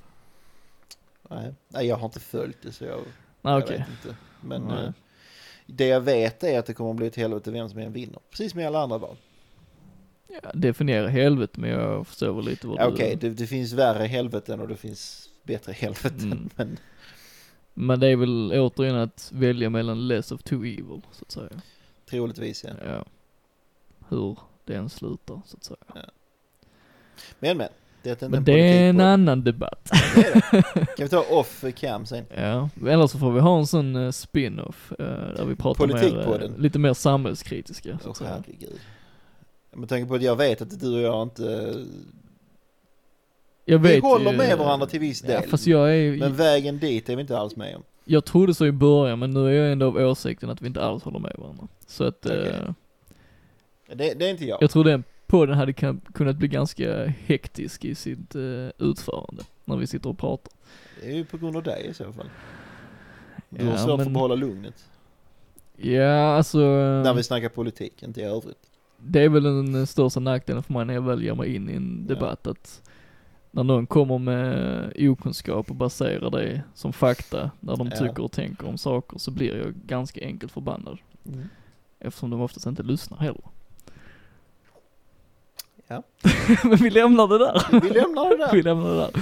Ja. Eh, nej men eh, vi återkommer såklart med The Grand New Wrong i framtiden och det kommer bli intervjuer och grejer, kan jag utlova redan nu. Så Ja. att, eh, längre intervjuer för att klargöra eftersom vi faktiskt hade en, en mini-intervju, kan Ja. man väl kalla det. Så mer om dem i framtiden, vi fram emot. det tycker jag. Det tycker Går vi vidare. jag. Ja. Om jag säger Post Malone, Neil Young, The Zootones, Todd Duncan och In Excess, vad säger du då? ja, det var en uh, salig blandning artister. Mm. Mm. Det är det du Det konstaterar är det jag liksom. skulle Ja. Nej men jag håller med dig. Därav frågeställningen också såklart. Eh, men jag kan också säga att det är Brent Smith och Zack Myers sätt att tolka klassiska låtar, nya som gamla, eh, och göra dem till sina egna i akustiska format och samtidigt blanda dem med egenskrivet material. Okej. För eh, duon Smith and Myers har släppt sin eh, skiva Volume 1. Mm. Mm. Eh, tidigare har de släppt två EPs med eh, covers på och, och sen släppte de singlarna Not Bad Enough och Bad At Love som då är originalmaterial. Mm. Eh, och där och då blev jag oerhört intresserad av att höra mer av just deras egenskrivet, eh, egenskrivna låtar. Eh, för jag, än så länge känner jag nog att det är där de är som bäst. Okej. Eh, för Brent Smith och Zack Myers musicerar ju vanligtvis i, eh, i det amerikanska rockbandet Shinedown som vi har varit inne och touchat lite på innan. Mm. eh, och det märks ju väldigt tydligt att deras sätt att skriva låtar på ofta överträffar deras tankar när det gäller att göra covers på andras låtar. Okej. Eh, för just i Shine, Shinedown tycker jag också de är fantastiska låtskrivare, för jag tycker att Shinedown, är ett av de bästa amerikanska rockbanden i nutid så att säga. Okej. Eh, och jag tycker ju att Brand Smith är en helt, alltså han är ju en fantastisk sångare, det vet jag att vi också har diskuterat tidigare ju. Mm. Eller, det, Jo, Ja, det det, alltså, det, jag, jag är inte ett fan men att förneka att den människan kan sjunga det, ja nej det precis. går ju inte. Eh, han är ju precis som, som jag sa med Shinedown då, han är ju en av de, alltså nutidens bästa sångare inom det han gör liksom. Eh, väl säga ja. Ja. Eh, så det funkar ju väldigt bra i de avskalade versionerna just eftersom jag gillar hans röst så mycket. Eh, men sen samtidigt om jag kollar liksom lite på, eller lyssnar på deras arrangemang och lite i produktionen så tycker jag att det blir lite intetsägande eh, när jag lyssnar på deras covers då. Mm. Eh, och problematiken som då uppstår eh, när jag lyssnar på Volume 1 är ju att skivan spretar ju väldigt mycket åt olika håll eftersom originalmusik blandas med covers. Mm. Och det var inte bara covers utan det är ju covers på Post Malone och Neil Young Mm. och In Excess liksom. Alltså blandningen är ju väldigt, väldigt, eh, kontrasten blir så oerhört Ja. stora även om det soundmässigt fortfarande är avskalat i grunden Mm. eh, det de vill göra. Eh, men min slutsats är väl ändå att om man gillar Shinedown Mm. eh, så kommer man ju hitta någonting att uppskatta även på Volume 1.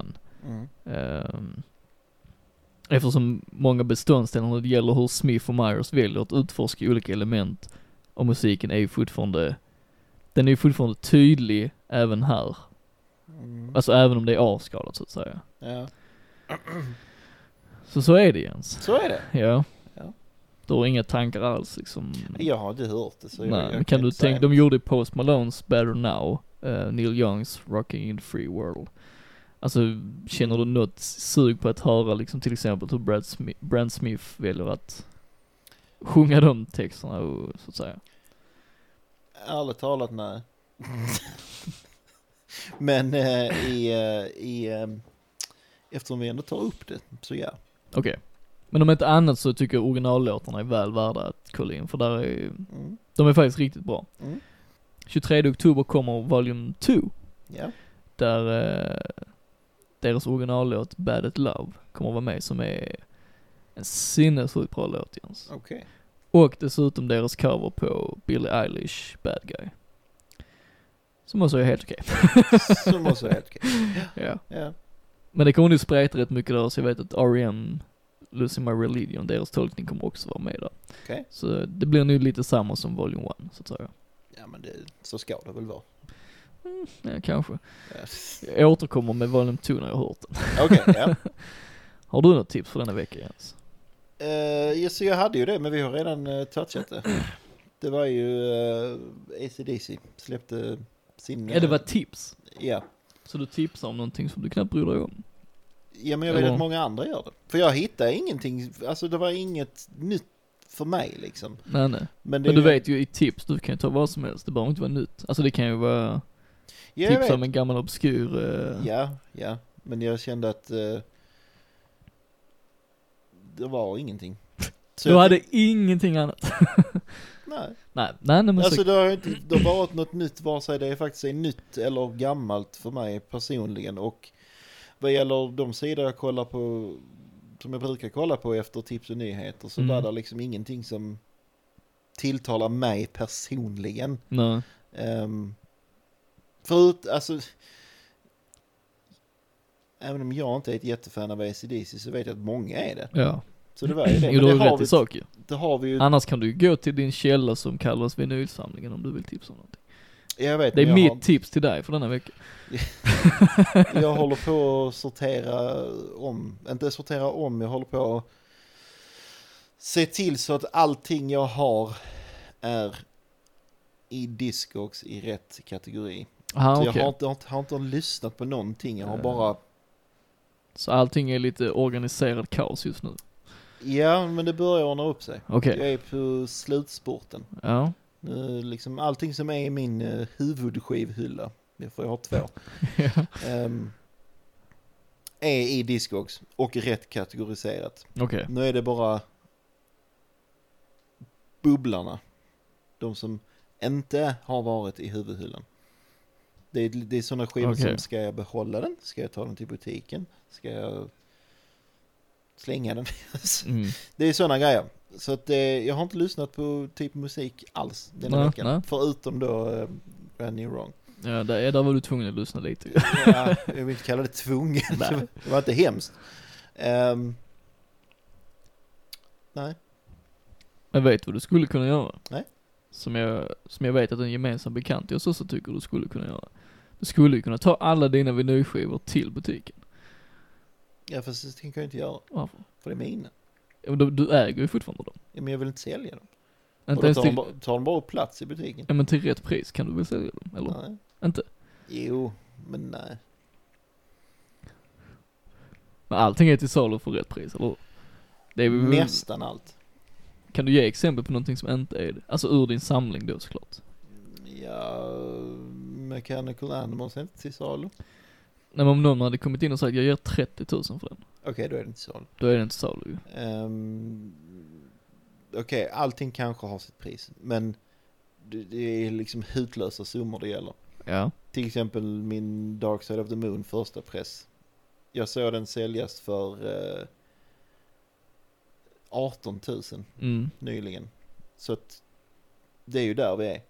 Och det kommer aldrig hända. Men om den har blivit såld för 18 000, Mm, som du sa. mm, Hade inte du släppt den för 18 000? nej, 20 000? nej, 30 000? kanske. Ja men säg allting är ett Ja, jo okej. Men det är, det är så ogudliga summor så att det är liksom inte... Ja men uppenbarligen fick ju någon 18 för det, så då är det inte omöjligt liksom. Nej. Nej men jag förstår dig Jens. Men de, det, de, de är inte till salu i butiken. Nej, jag förstår det. För det, och det, sen, är det ju det, faktiskt, det är ju, det, de skivorna jag har är ju skivor jag vill ha. Ja. Det är ju skivor som jag vill kunna lyssna på när jag känner för det. Ja. Ja. Sen är det ju, ja. Sen är det ju pengafrågan men som är det ständiga problemet ju. Men det är, det är ett annat problem. Det är en annan diskussion. Diskussion. Ehm, jag såg upp så en rolig grej. Eller rolig och rolig, men eh, intressant. Någon hade tagit Linkin Parks eh, låt Faint Mm. och gjort en mashup med Lady Gagas Just Dance. Och det funkar. Jag undrar om inte jag hörde detta. Ja, Uh, den, eh, den, ja, den Mm. funkar. men mashups av den sorten brukar funka av någon Jag vet, jag, men det, det är det som gör det så intressant för det är så weird. Mm. Men, eh, ja. En av mina favoriter är den, uh, när de tog Nirvanas Smells Like Teen Spirit och Europes The Final Countdown. Ja, det, det funkar. Det borde inte funka. Nej, det borde inte, men det gör ju det av någon konstig anledning. Och ACDC's Thunderstruck och Ray Parker Juniors Ghostbusters funkar också. Okej. Och det funkar, men det är, Ja. det är märkligt, men det gör det. Ja. Vi får ha ett Patreon-avsnitt när vi går igenom våra favorit-mashups någon gång. Uff. ja, det, ja, Ja. det kan ehm, ta tid. Ja. Jag är inte, alltså jag, jag, jag har liksom inte koll på, oh den gillar jag, den gillar jag, den gillar jag, utan jag reagerar när jag ser dem, sen Mm. glömmer jag dem liksom. Och du anar inte vilka svåra teman jag har framför dig då, när det gäller Patreon-avsnitt. Mashups. Nej men alltså teman som vi kommer att diskutera. Jaha, ja det... ta kommer bli utmaning för dig Jens. Men, Men det är väl bara trevligt. det är väl en del av skärmen. Ja, oftast. Ja. Det beror på vad det är för utmaning. Ja men det är stora utmaningar. Ja, det... Men mer om det i framtiden. Så är det. Jag har ett sista tips för denna vecka. Ja. Usla har släppt två låtar från sitt eh, kommande album. Okej. Nämligen eh, Keltiska havet och Jesus Absolut. Jesus, absolut. Ja, Okej. så heter den. Eh, och jag gillar det mesta som eh, Usla har släppt eh, på egen hand. Mm. Eh, och inte minst hans senaste eh, Evig himmelsk fullkomning. Okej. Som på flera sätt är ett album som tilltalar mig på grund av flera aspekter. Eh, främst hur Oslo musikaliskt bygger en intressant ljudbild och skriver texter som drar in mig i hans unika historieberättande. Och även hur han väljer att framföra dessa texter med en väldigt skör och talande klang. Det låter folkigt. Mm. Ja, Folkish. folkish kanske, det är svårplacerat. Ja, okej. Ehm, för i det stora hela tycker jag faktiskt att Oslo är en av de de mest spännande musiker vi har i Sverige just nu. Mm. Eh, och det är ju just för att han gärna experimenterar med sitt sätt att skapa. Och oftast blir hans skivor konstnärliga verk som är mer, som är mer än bara en skiva man lyssnar på. Mm. Eh, och Evig himmelsk fullkomning är på flera sätt en upplevelse, likt många av hans tidigare verk också är. Och det finns alltid nya inf- infallsvinklar att ta sig an när man lyssnar på hans verk. Det är ju bra stora ord. Det är stora ord men, eh, men det är helt sant faktiskt. Eh, och han släppte precis eh, en limiterad vinylsingel. Eh, lite för att kunna finansiera sitt kommande album. Och ni som stöttar oss på Patreon ser den här i filmen. Och detta är ju, den, denna sjutummar innehåller då singlarna Keltiska havet och Jesus Absolut. Och är dessutom signerad och numrerad av Oslo. Mm. Finns i 300 exemplar och är, eh, är väl värd att köpa. Okej. Av många anledningar då såklart ju. Ja. Eh, förhoppningsvis finns det exemplar kvar om man är intresserad av att äga denna. Eh, vilket jag tycker man ska såklart. Eh, Annars får man bege sig till disco också och köpa den till överpris. så kan det ju bli i Så kan det slutändan så kan det bli i slutändan. Eh, men information till hur man beställer denna kan du hitta i avsnittsbeskrivningen på eh, hemsidan.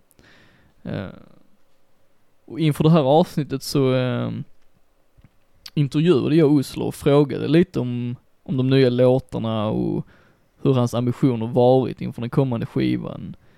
Och även hur han går tillväga när han skriver musik och hur han, eh, hur han ser på sitt eget värde som konstnär. Eh, och denna intervju kan ni läsa på nevertoloud.se. Eh, det blev en kort men väldigt givande intervju så jag rekommenderar verkligen alla att läsa den för att veta lite hur han tänker och ha det liksom som en referenspunkt när man lyssnar på hans musik. Ja. Ja. eh, och givetvis ska vi också såklart bjuda på en av låtarna från hans kommande skiva då. Eh, så Keltiska havet som var med på den här eh, 7-tums vinylsingeln ska vi lyssna på Jens. Mm. Så Keltiska havet kommer nu.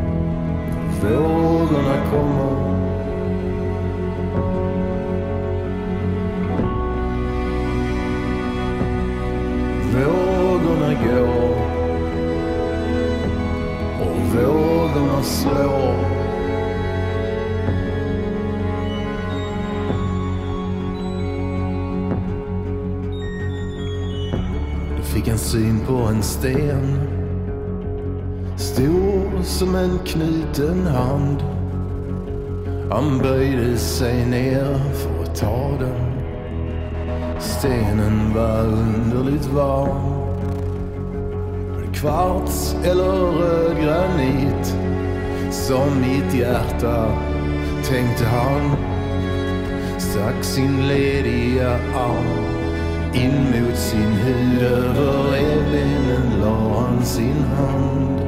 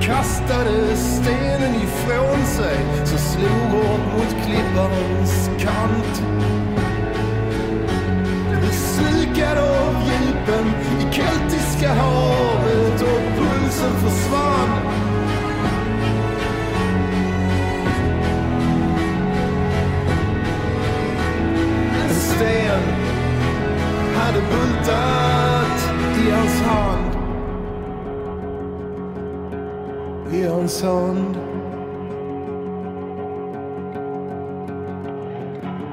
Och vågorna kommer. Vågorna går. Samma vågor som bultar. Samma vågor som slår. Keltiska havet av Oslo. Fin bit. Stämningsfullt. Mm. Vemod. Mm. Det kan man väl lugnt säga. Ja. Det är väldigt mycket vemod. Men det är en stark känsla här som jag alltid tycker att Oslo är väldigt bra på att eh, framkalla i sin musik. Eh, blir vanligtvis ganska berörd av, eh, när jag lyssnar på hans låtar. Mm. Eh, Jag, eh, baserat på den enda jag har hört från honom, det vill Mm. säga den här låten, så kan jag förstå det. Mm, Det är också en sån här grej som känns eh, helt som din grej. eh, det får man väl ändå konstatera att det är faktiskt. Ja, det är sorgligt, det är skånska Mm, och därmed svenska. mm. Så ja, Alla, alla, alla ikryssade liksom. precis, allt jag gillar finns här Mm. liksom. Eh, nej men han är, han är jätteduktig. Uh, Har också en bra låttitel. Pelskapet. Nej, eh, allt jag gillar finns här. Uh, kunde varit en låt ja. Ja. Helt klart ju. Eh, nej men är man, eh, är man inte insatt i hans musik och blir nyfiken då så ska man definitivt kolla in det han har gjort innan också. Eh, finns väldigt, väldigt mycket att hämta där. Mm. Så jag hoppas ju vi, vi får se den, eller får höra den kommande skivan snart ju så att, jag vill ju alltid ha nytt material av Ossa såklart ju. Mm. Och icke att få glömma att beställa den där eh, 7 tums vinylsingeln. Mm. Väldigt värd att ha, som jag sa innan. Så att, eh, nej, det här är riktigt bra Jens. Jag är lite tagen nu när vi lyssnar på Keltiska havet. Jag blir, eh, ja men det sätter mig Ja, i, eh, i stämning liksom. Ja, jo jag förstår det. Ja, Det tycker är, det, väldigt du. ja, det är fantastiskt bra är det. Det är säkert jag gillar också det. Mm. Nog inte lika mycket som du dock. Nej det behöver du kanske inte göra men, Nej, klart jag inte behöver. men det är det men, som är eh, grejen med Oslo. Jag tror att han, oavsett vad man har för preferenser sen tidigare så drar han, han drar väldigt enkelt in en i hans Mm. musik. Eh, oavsett om man är van vid att lyssna på den, Mm. är den sortens musik så att säga. Men är, är den här låten någonting som speglar, alltså skiljer det här sig från det han brukar göra eller är det typ det här stuket? Eh, jag skulle säga att de, eh, de senaste skivorna har släppt så är ju detta en, eh, en naturlig fortsättning just i låtskrivandet. Och vi går också in lite på det i intervjun som Ja. finns att läsa på nevertoloud.se. Eh, där man får höra hans tankar kring det också. Mm. Eh, han har varit väldigt, jag tycker han har varit väldigt fokuserad på just det här sättet Ja. att skriva de senaste åren. Mm. Eh, och han tillför ju väldigt mycket när han spelar med uh, Thåström också. Där finns ju liknelser där också liksom. Ja. Eh, Så och då- även i sällskapet som han är delaktig i. Så dagens tema, naturlig utveckling. Det får väl vara det. Ja. Det får väl vara det. Nej men eh, glöm inte bort att läsa intervjun för den är väldigt givande och ger en större inblick i hur han tänker som, eh, som konstnär helt enkelt. Ja. Så går vi vidare Jens. Gör vi? Då ska vi se Jens. Nej, Nej du vill inte. jag vill inte. Nej. Det är inte lönt. Men för att göra dig gladare så kan jag väl gå med på det. Men varför skulle jag bli glad? Du, du ler ju redan nu. Jag ler väl alltid. Ja men du är så, du är så taggad på ja, att du ska få 800 poäng till. Fast jag vet inte om jag är så taggad. Aha. Det är väl Ja, lite mer en, eh, Då skiter vi i det. en ångestfull grej om jag inte får poäng. Ångest. Men där, där är ju nästan större press för mig än vad det är för dig. Hur så? Nej för jag har ju mina 37 poäng att leva upp till. Ja, ja, ja. För Ja. du kan ju bara gå framåt så att säga. Ja, Jag det är kan, sant, jag det är kan sant. ju haverera. Ja, det är sant. Mm. Så med det i åtanke så får vi väl tävla lite. Ja. Eh, om ni som lyssnar vill vara delaktiga så skriv gärna på våra sociala medier om ni lyckas uh, gissa rätt på och när ni gör det så att säga. Ja. Det har varit kul att veta lite. Ja. Det skulle också vara bra att veta vilket format som är, som är bra. Ja just det, du är lite vi, uh, Vilse i pannkakan. vilse i pannkakan. Inte vilse, men jag hittar inte min grej liksom. Du hittar inte din rätta form. Nej. Nej. Men ska vi testa din eh, dagens form då? Ja men det kan man väl, eh, det tycker jag. Kan vi väl göra det? Det tycker jag. Mm. Jag känner att det, dagens kommer vara en naturlig utveckling. På ja, det, är, det är ju så du jobbar ju så att det det, är så jag jobbar. ja, Vemod till trots. ja precis. Men det är på Eh. svenska i alla fall. Ja det är det. Ja det är det. Och på skånska. Till och med. Nu är jag tillbaka till eh, Vem är jag-formatet. Okej, vi, vi är där igen Nu är vi tillbaka igen. ja. Ja. Det vill säga fem frågor, två poäng styck. Nej, fem frågor, det Degraderas. degraderas. Ja, Ja, ja. precis. Det Och, eh, degraderas. Och det är en musiker du letar efter ja. Ja. Okej, ja men jag är med. Är du redo? Jag är redo. Okej. Börjar som vanligt Ja, med en födsel. Jag tror det var med suck, men jag fattar. Kan man sucka när man föds? Nej men du suckade. Jaha. Ja. Ehm. jag föddes den 3 maj 1933 i en stad slash by som heter Barnwell som ligger i South Carolina. Mm.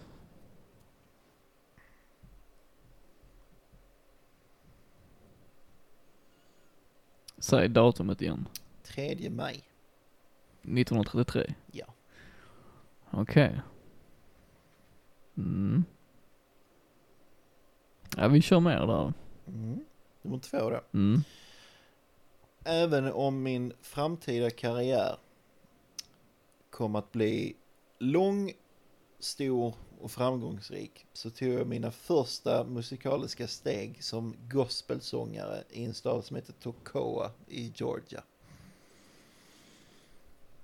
Mm. Jag vet ju var vi rör oss lite. Och jag vet vilka jag kan utesluta.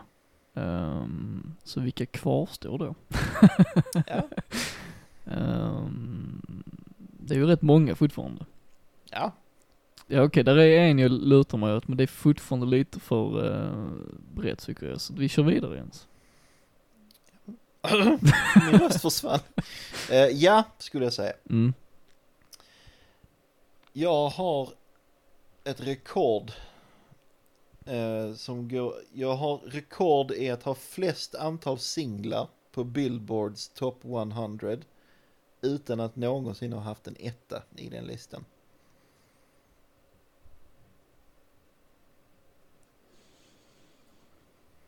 Mm.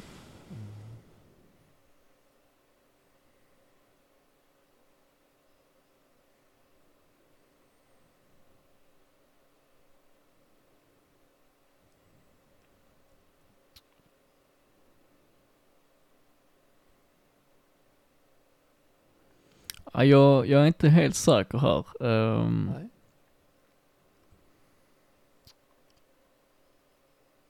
Jag tänker mig att vi, vi går vidare. Ja. Mm.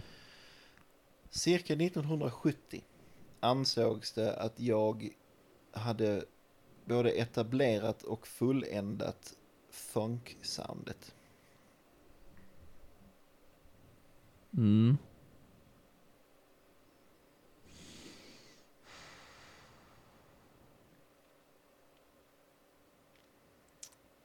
Det står mellan två nu. Mm. Ehm, och det kan vara helt fel, men det känns som att det kan stämma. Ja, Uh, du ligger på fyra poäng. ja, jag vet, men det är det. Kan jag avgöra det här och nu? Mm. Eller kanske jag kan säkra det på två poäng. Uh, herregud Jens. Det är inte Gud jag letar efter. Nej, det förstår jag ju. Ehm, åh, herregud. Ja men det är ju det jag blir, så ska jag verkligen våga chansa liksom. Ja. Nu har jag skrivit ner mitt svar igen, fan också. Ja, då kommer sista då. Ja, Även om jag är känd vid mitt riktiga namn så kallas jag ibland även The Godfather of Soul. ja då har jag ju fel. ja, nej, jag, eh, det är fel, men eh, jag gissade Tina Turner, men eh, Nej, men du, du är inne jag var rätt inne på ett spår ja, men jag, Men det är, eh, då får jag tänka, ja det står helt still, jag vet ju vem det är. Eh, varför har jag förlorat namnet nu Jens? vet jag inte. Vilken var den andra du tänkte på? Eh, nej men det är förlegat. Ja, det är, det är förlegat. Det går vi inte in på. nej, ah, det, det, jag vet inte, det står helt still. Det är James Brown. Ja, såklart ja. Mm. Så är Ja, det. men jag, jag vet inte. Jag låste mig för mycket med Tina Turner, men det är klart. Plus en till. Som är förlegad. Som är, som är förlegad ja. Nej men det är klart, det är klart. Men, Eh, men det är okej. det är väl ändå okej alltså. Ja, Ja. det var ingen poäng till dig. Så jag är glad. Du är glad? Det är, Ja. Nu börjar vi ju närma oss haveriet som jag Kanske, pratade om innan. detta kanske är vändpunkten. Detta kan vara vändpunkten. Men säg inte för mycket Jens. Nu kommer min tävling. Oh. Gå hem. Jag går inte hem. Vi är snart färdiga. Vilket album är jag? Um, Enemy of the State med Blink 182. Hade det varit det, så hade jag gett dig 20 poäng. Ja. Det är det inte. Nej. Men vi Vilket börjar, album är du? mm, och vi börjar på 10 poäng. Okej. Är du redo Jens? Så redo som jag någonsin kommer att bli. Är lyssnarna redo? Ja. Men de tog nu James Brown. Detta kommer att Kanske. störa mig rätt lång tid framöver. Ja. skitsamma, nu Ja. fokuserar vi på dig. Ja. Och dina 9 poäng. Året började på en söndag och var sista för decenniet. George Bush den äldre skulle snart sväras in som världens mäktigaste man och kort därefter avrättades Ted Bundy för de vansinnesdåd han stod till svars för. Det var en av flera anledningar omtumlande första månad på sista året detta decennium, men samtidigt som detta hände färdigställde bandet mig och jag släpptes i början av som sommaren samma år. Mm. Variety. Åtta poäng då. Mm. När jag släpptes i juni var det få som visste vad det skulle bli av bandet. Det var en del av subpop, men det kanske inte märktes så tydligt i deras sound. I det inledande spåret kan man tro att vi är droppade i både D och C, men sanningen är att min första låt är det enda verket som kvarstår från bandets experimenterande inför slutresultatet.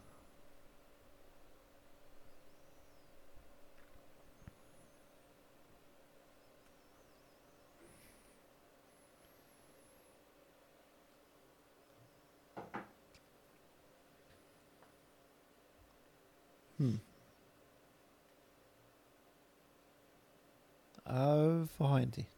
Sex poäng. Ja. Kanske är det chockerande blott att skivans 11 låtar aldrig blev massiva hits som många av dem som komma skulle.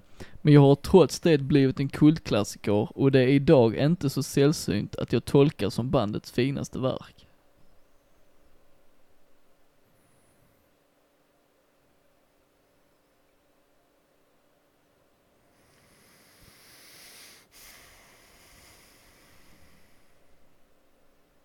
Har du någon riktning din, dit dina tankar Ja, går? men det, det, det är vissa grejer du har sagt som gör att jag, för det var en som stod ut först.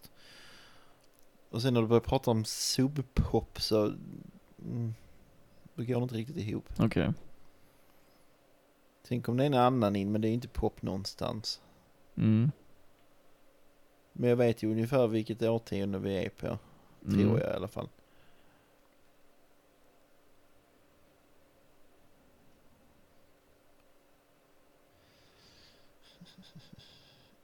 Nej, det får bli fyra. Fyra poäng då.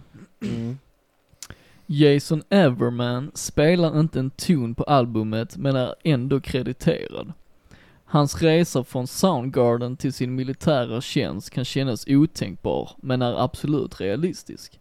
Däremot har Chad Channing och Dale Crover sin plats bakom trummorna.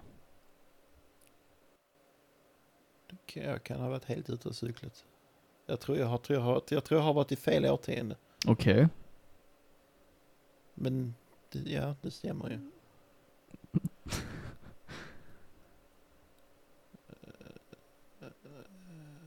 Försöker du tänka om nu då eller? Ja. Mm. Ja, nej. Det, nu blir det bara värre. Blir det värre? Ja. Så det får vara sista. Räddningen. Två poäng. Mm.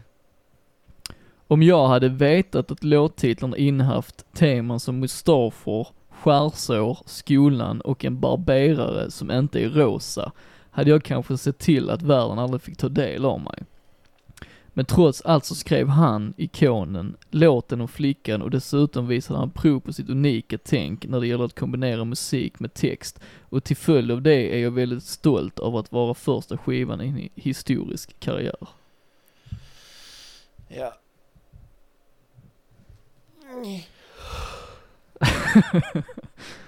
Vi... ehm, jag vet ju inte vad skivan heter. Jag chansar på att det är typ Nirvanas första skiva, men jag vet inte vad den heter. Är det din gissning? Ja. Jag har tyvärr inget bättre. Nej. Jo. Hur går dina tankar dit där då? Ja men för första, när vi började så trodde jag att vi var på ehm, 80-talet. Mm. Men det, har, det är det ju inte, vi är på 90-talet. Ja. Och sen så pratar du om folk jag inte känner till. Och sen så har vi pratat om grunge hela dagen. Och eftersom du sa att det var någon från Soundgarden så tänker jag att det inte är Soundgarden. Utan att han har migrerat liksom. Mm. Så därför borde det vara något sånt eftersom du också kallade han för ikon. Det, Ja. heter, heter, den, heter den Lithium? Nej, det var en låt. Jag har glömt vad den heter. Det är inte den med ungen. Men, eh, ja, deras, jag kan inte ge ett bättre svar. Deras första skiva. Mm. Mm. Du har rätt Jens att det är första skivan, men jag vill ju ha ett okej, namn på Okej, okej.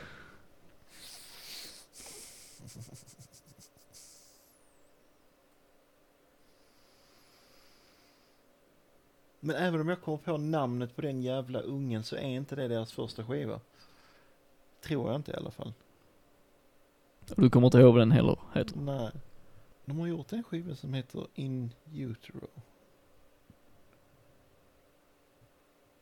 Kan det vara den?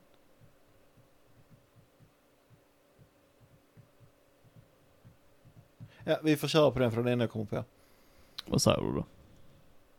In, in Utero med Nirvana. Ja. Ja. Det är ju deras sista skiva. Och deras första heter då, Bleach. men det är inte den med ungen. Nej, det är Nevermind. Så heter den ja. Uh, Ja. Jag vet inte om du hade varit lite uh, vaksam där innan vi pratade om The Grand New Wrong så sa jag ju Nirvanas debut Bleach. Det var ett litet hjälpmedel inför tävlingen men Ja. eh, det gick Ja, in det- och det gick ut. Ja, det gjorde det. Ja, Det brukar vara så. men du har ju hederspoäng. Oh, oh shit. Du har nästan fler hederspoäng än vad du har vanliga poäng. Ja, men det är, så jag jobbar. Ja. ja men närmare har du aldrig varit. Nej, det har jag nog inte. nej. Nej. jag, jag hade ju rätt, även om jag inte hade rätt. Ja, precis. Precis. Jag visste vad, vi, vad det var, men Ja. inte vad den hette. Nej, exakt. Mm. Så det är väl alltid, eh, ja, det ligger en heder i det. Mm, det tycker Mm. jag. Men jag bara tänker, skulle du inte kalla Chris Cornell för ikon eller vad menar du där? Jo, Eller ja, okej. jo, det hade jag nog gjort, men alltså, Dina tankar gick direkt Ja, för att han är en precis. större ikon liksom. Ja.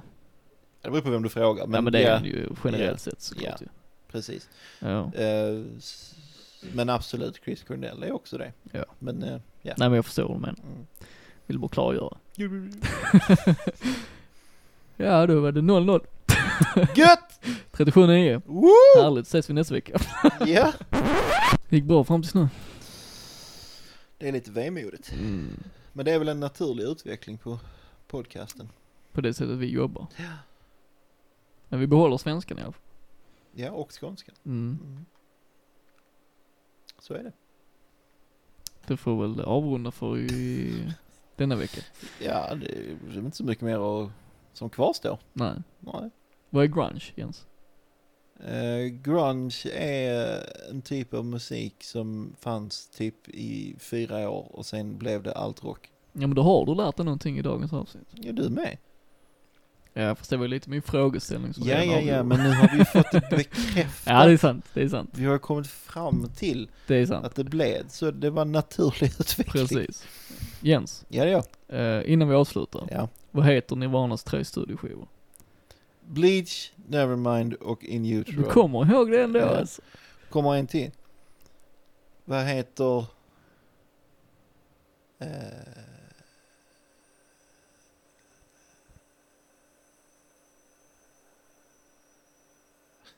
Vad heter Rammsteins första skiva? Ehm, Eller bara en av dem? en av dem. Ja, Mutter. okej. Är det bra? Libis för alla där. Är det en annan skiva? Ja men det är också en skiva. Ja, Ja. det är det. Med Dildos. Den senaste hette väl bara, Ingenting. den hette typ ingenting nej. Nej, Nej, det var precis. bara sån no, no, no name. Ja. Untitled. Ja. Bara Rammstein rakt upp och ner. Mm. Ja men det var härligt ju. Satt vi varandra på plats lite till, fast vi båda kunde svara. Ja, det är som att vi inte tycker om varandra. Det är lite hat här emellan ju, det är det ju. Inte från min sida. Nej men det är, det är politiken som kommer in där. Det är, Ja, men... Ja, ja, men värdegrunden säger ändå någonting om personligheten tycker jag. Men som sagt, det är en annan diskussion. ja, Ja. Men eh, vi lämnar det åt sidan. vi lämnar det åt sidan. Så eh, går vi ut till lite mer the grand new wrong tycker jag. Det känns som en naturlig utveckling. Det tycker jag. Mm. För eh, nu har vi jobbat. Ja. Nu det är så vi har gjort det. Det är så vi har gjort det. Mm. Det är så vi vill göra det. Ja. Ses i framtiden Jens. Det hoppas jag. När det nu blir. Ja, Sju dagar kanske. ja, Något sånt. troligtvis. Vi hörs då i alla fall. Ja, men. Ha det gott. Hej. Hej.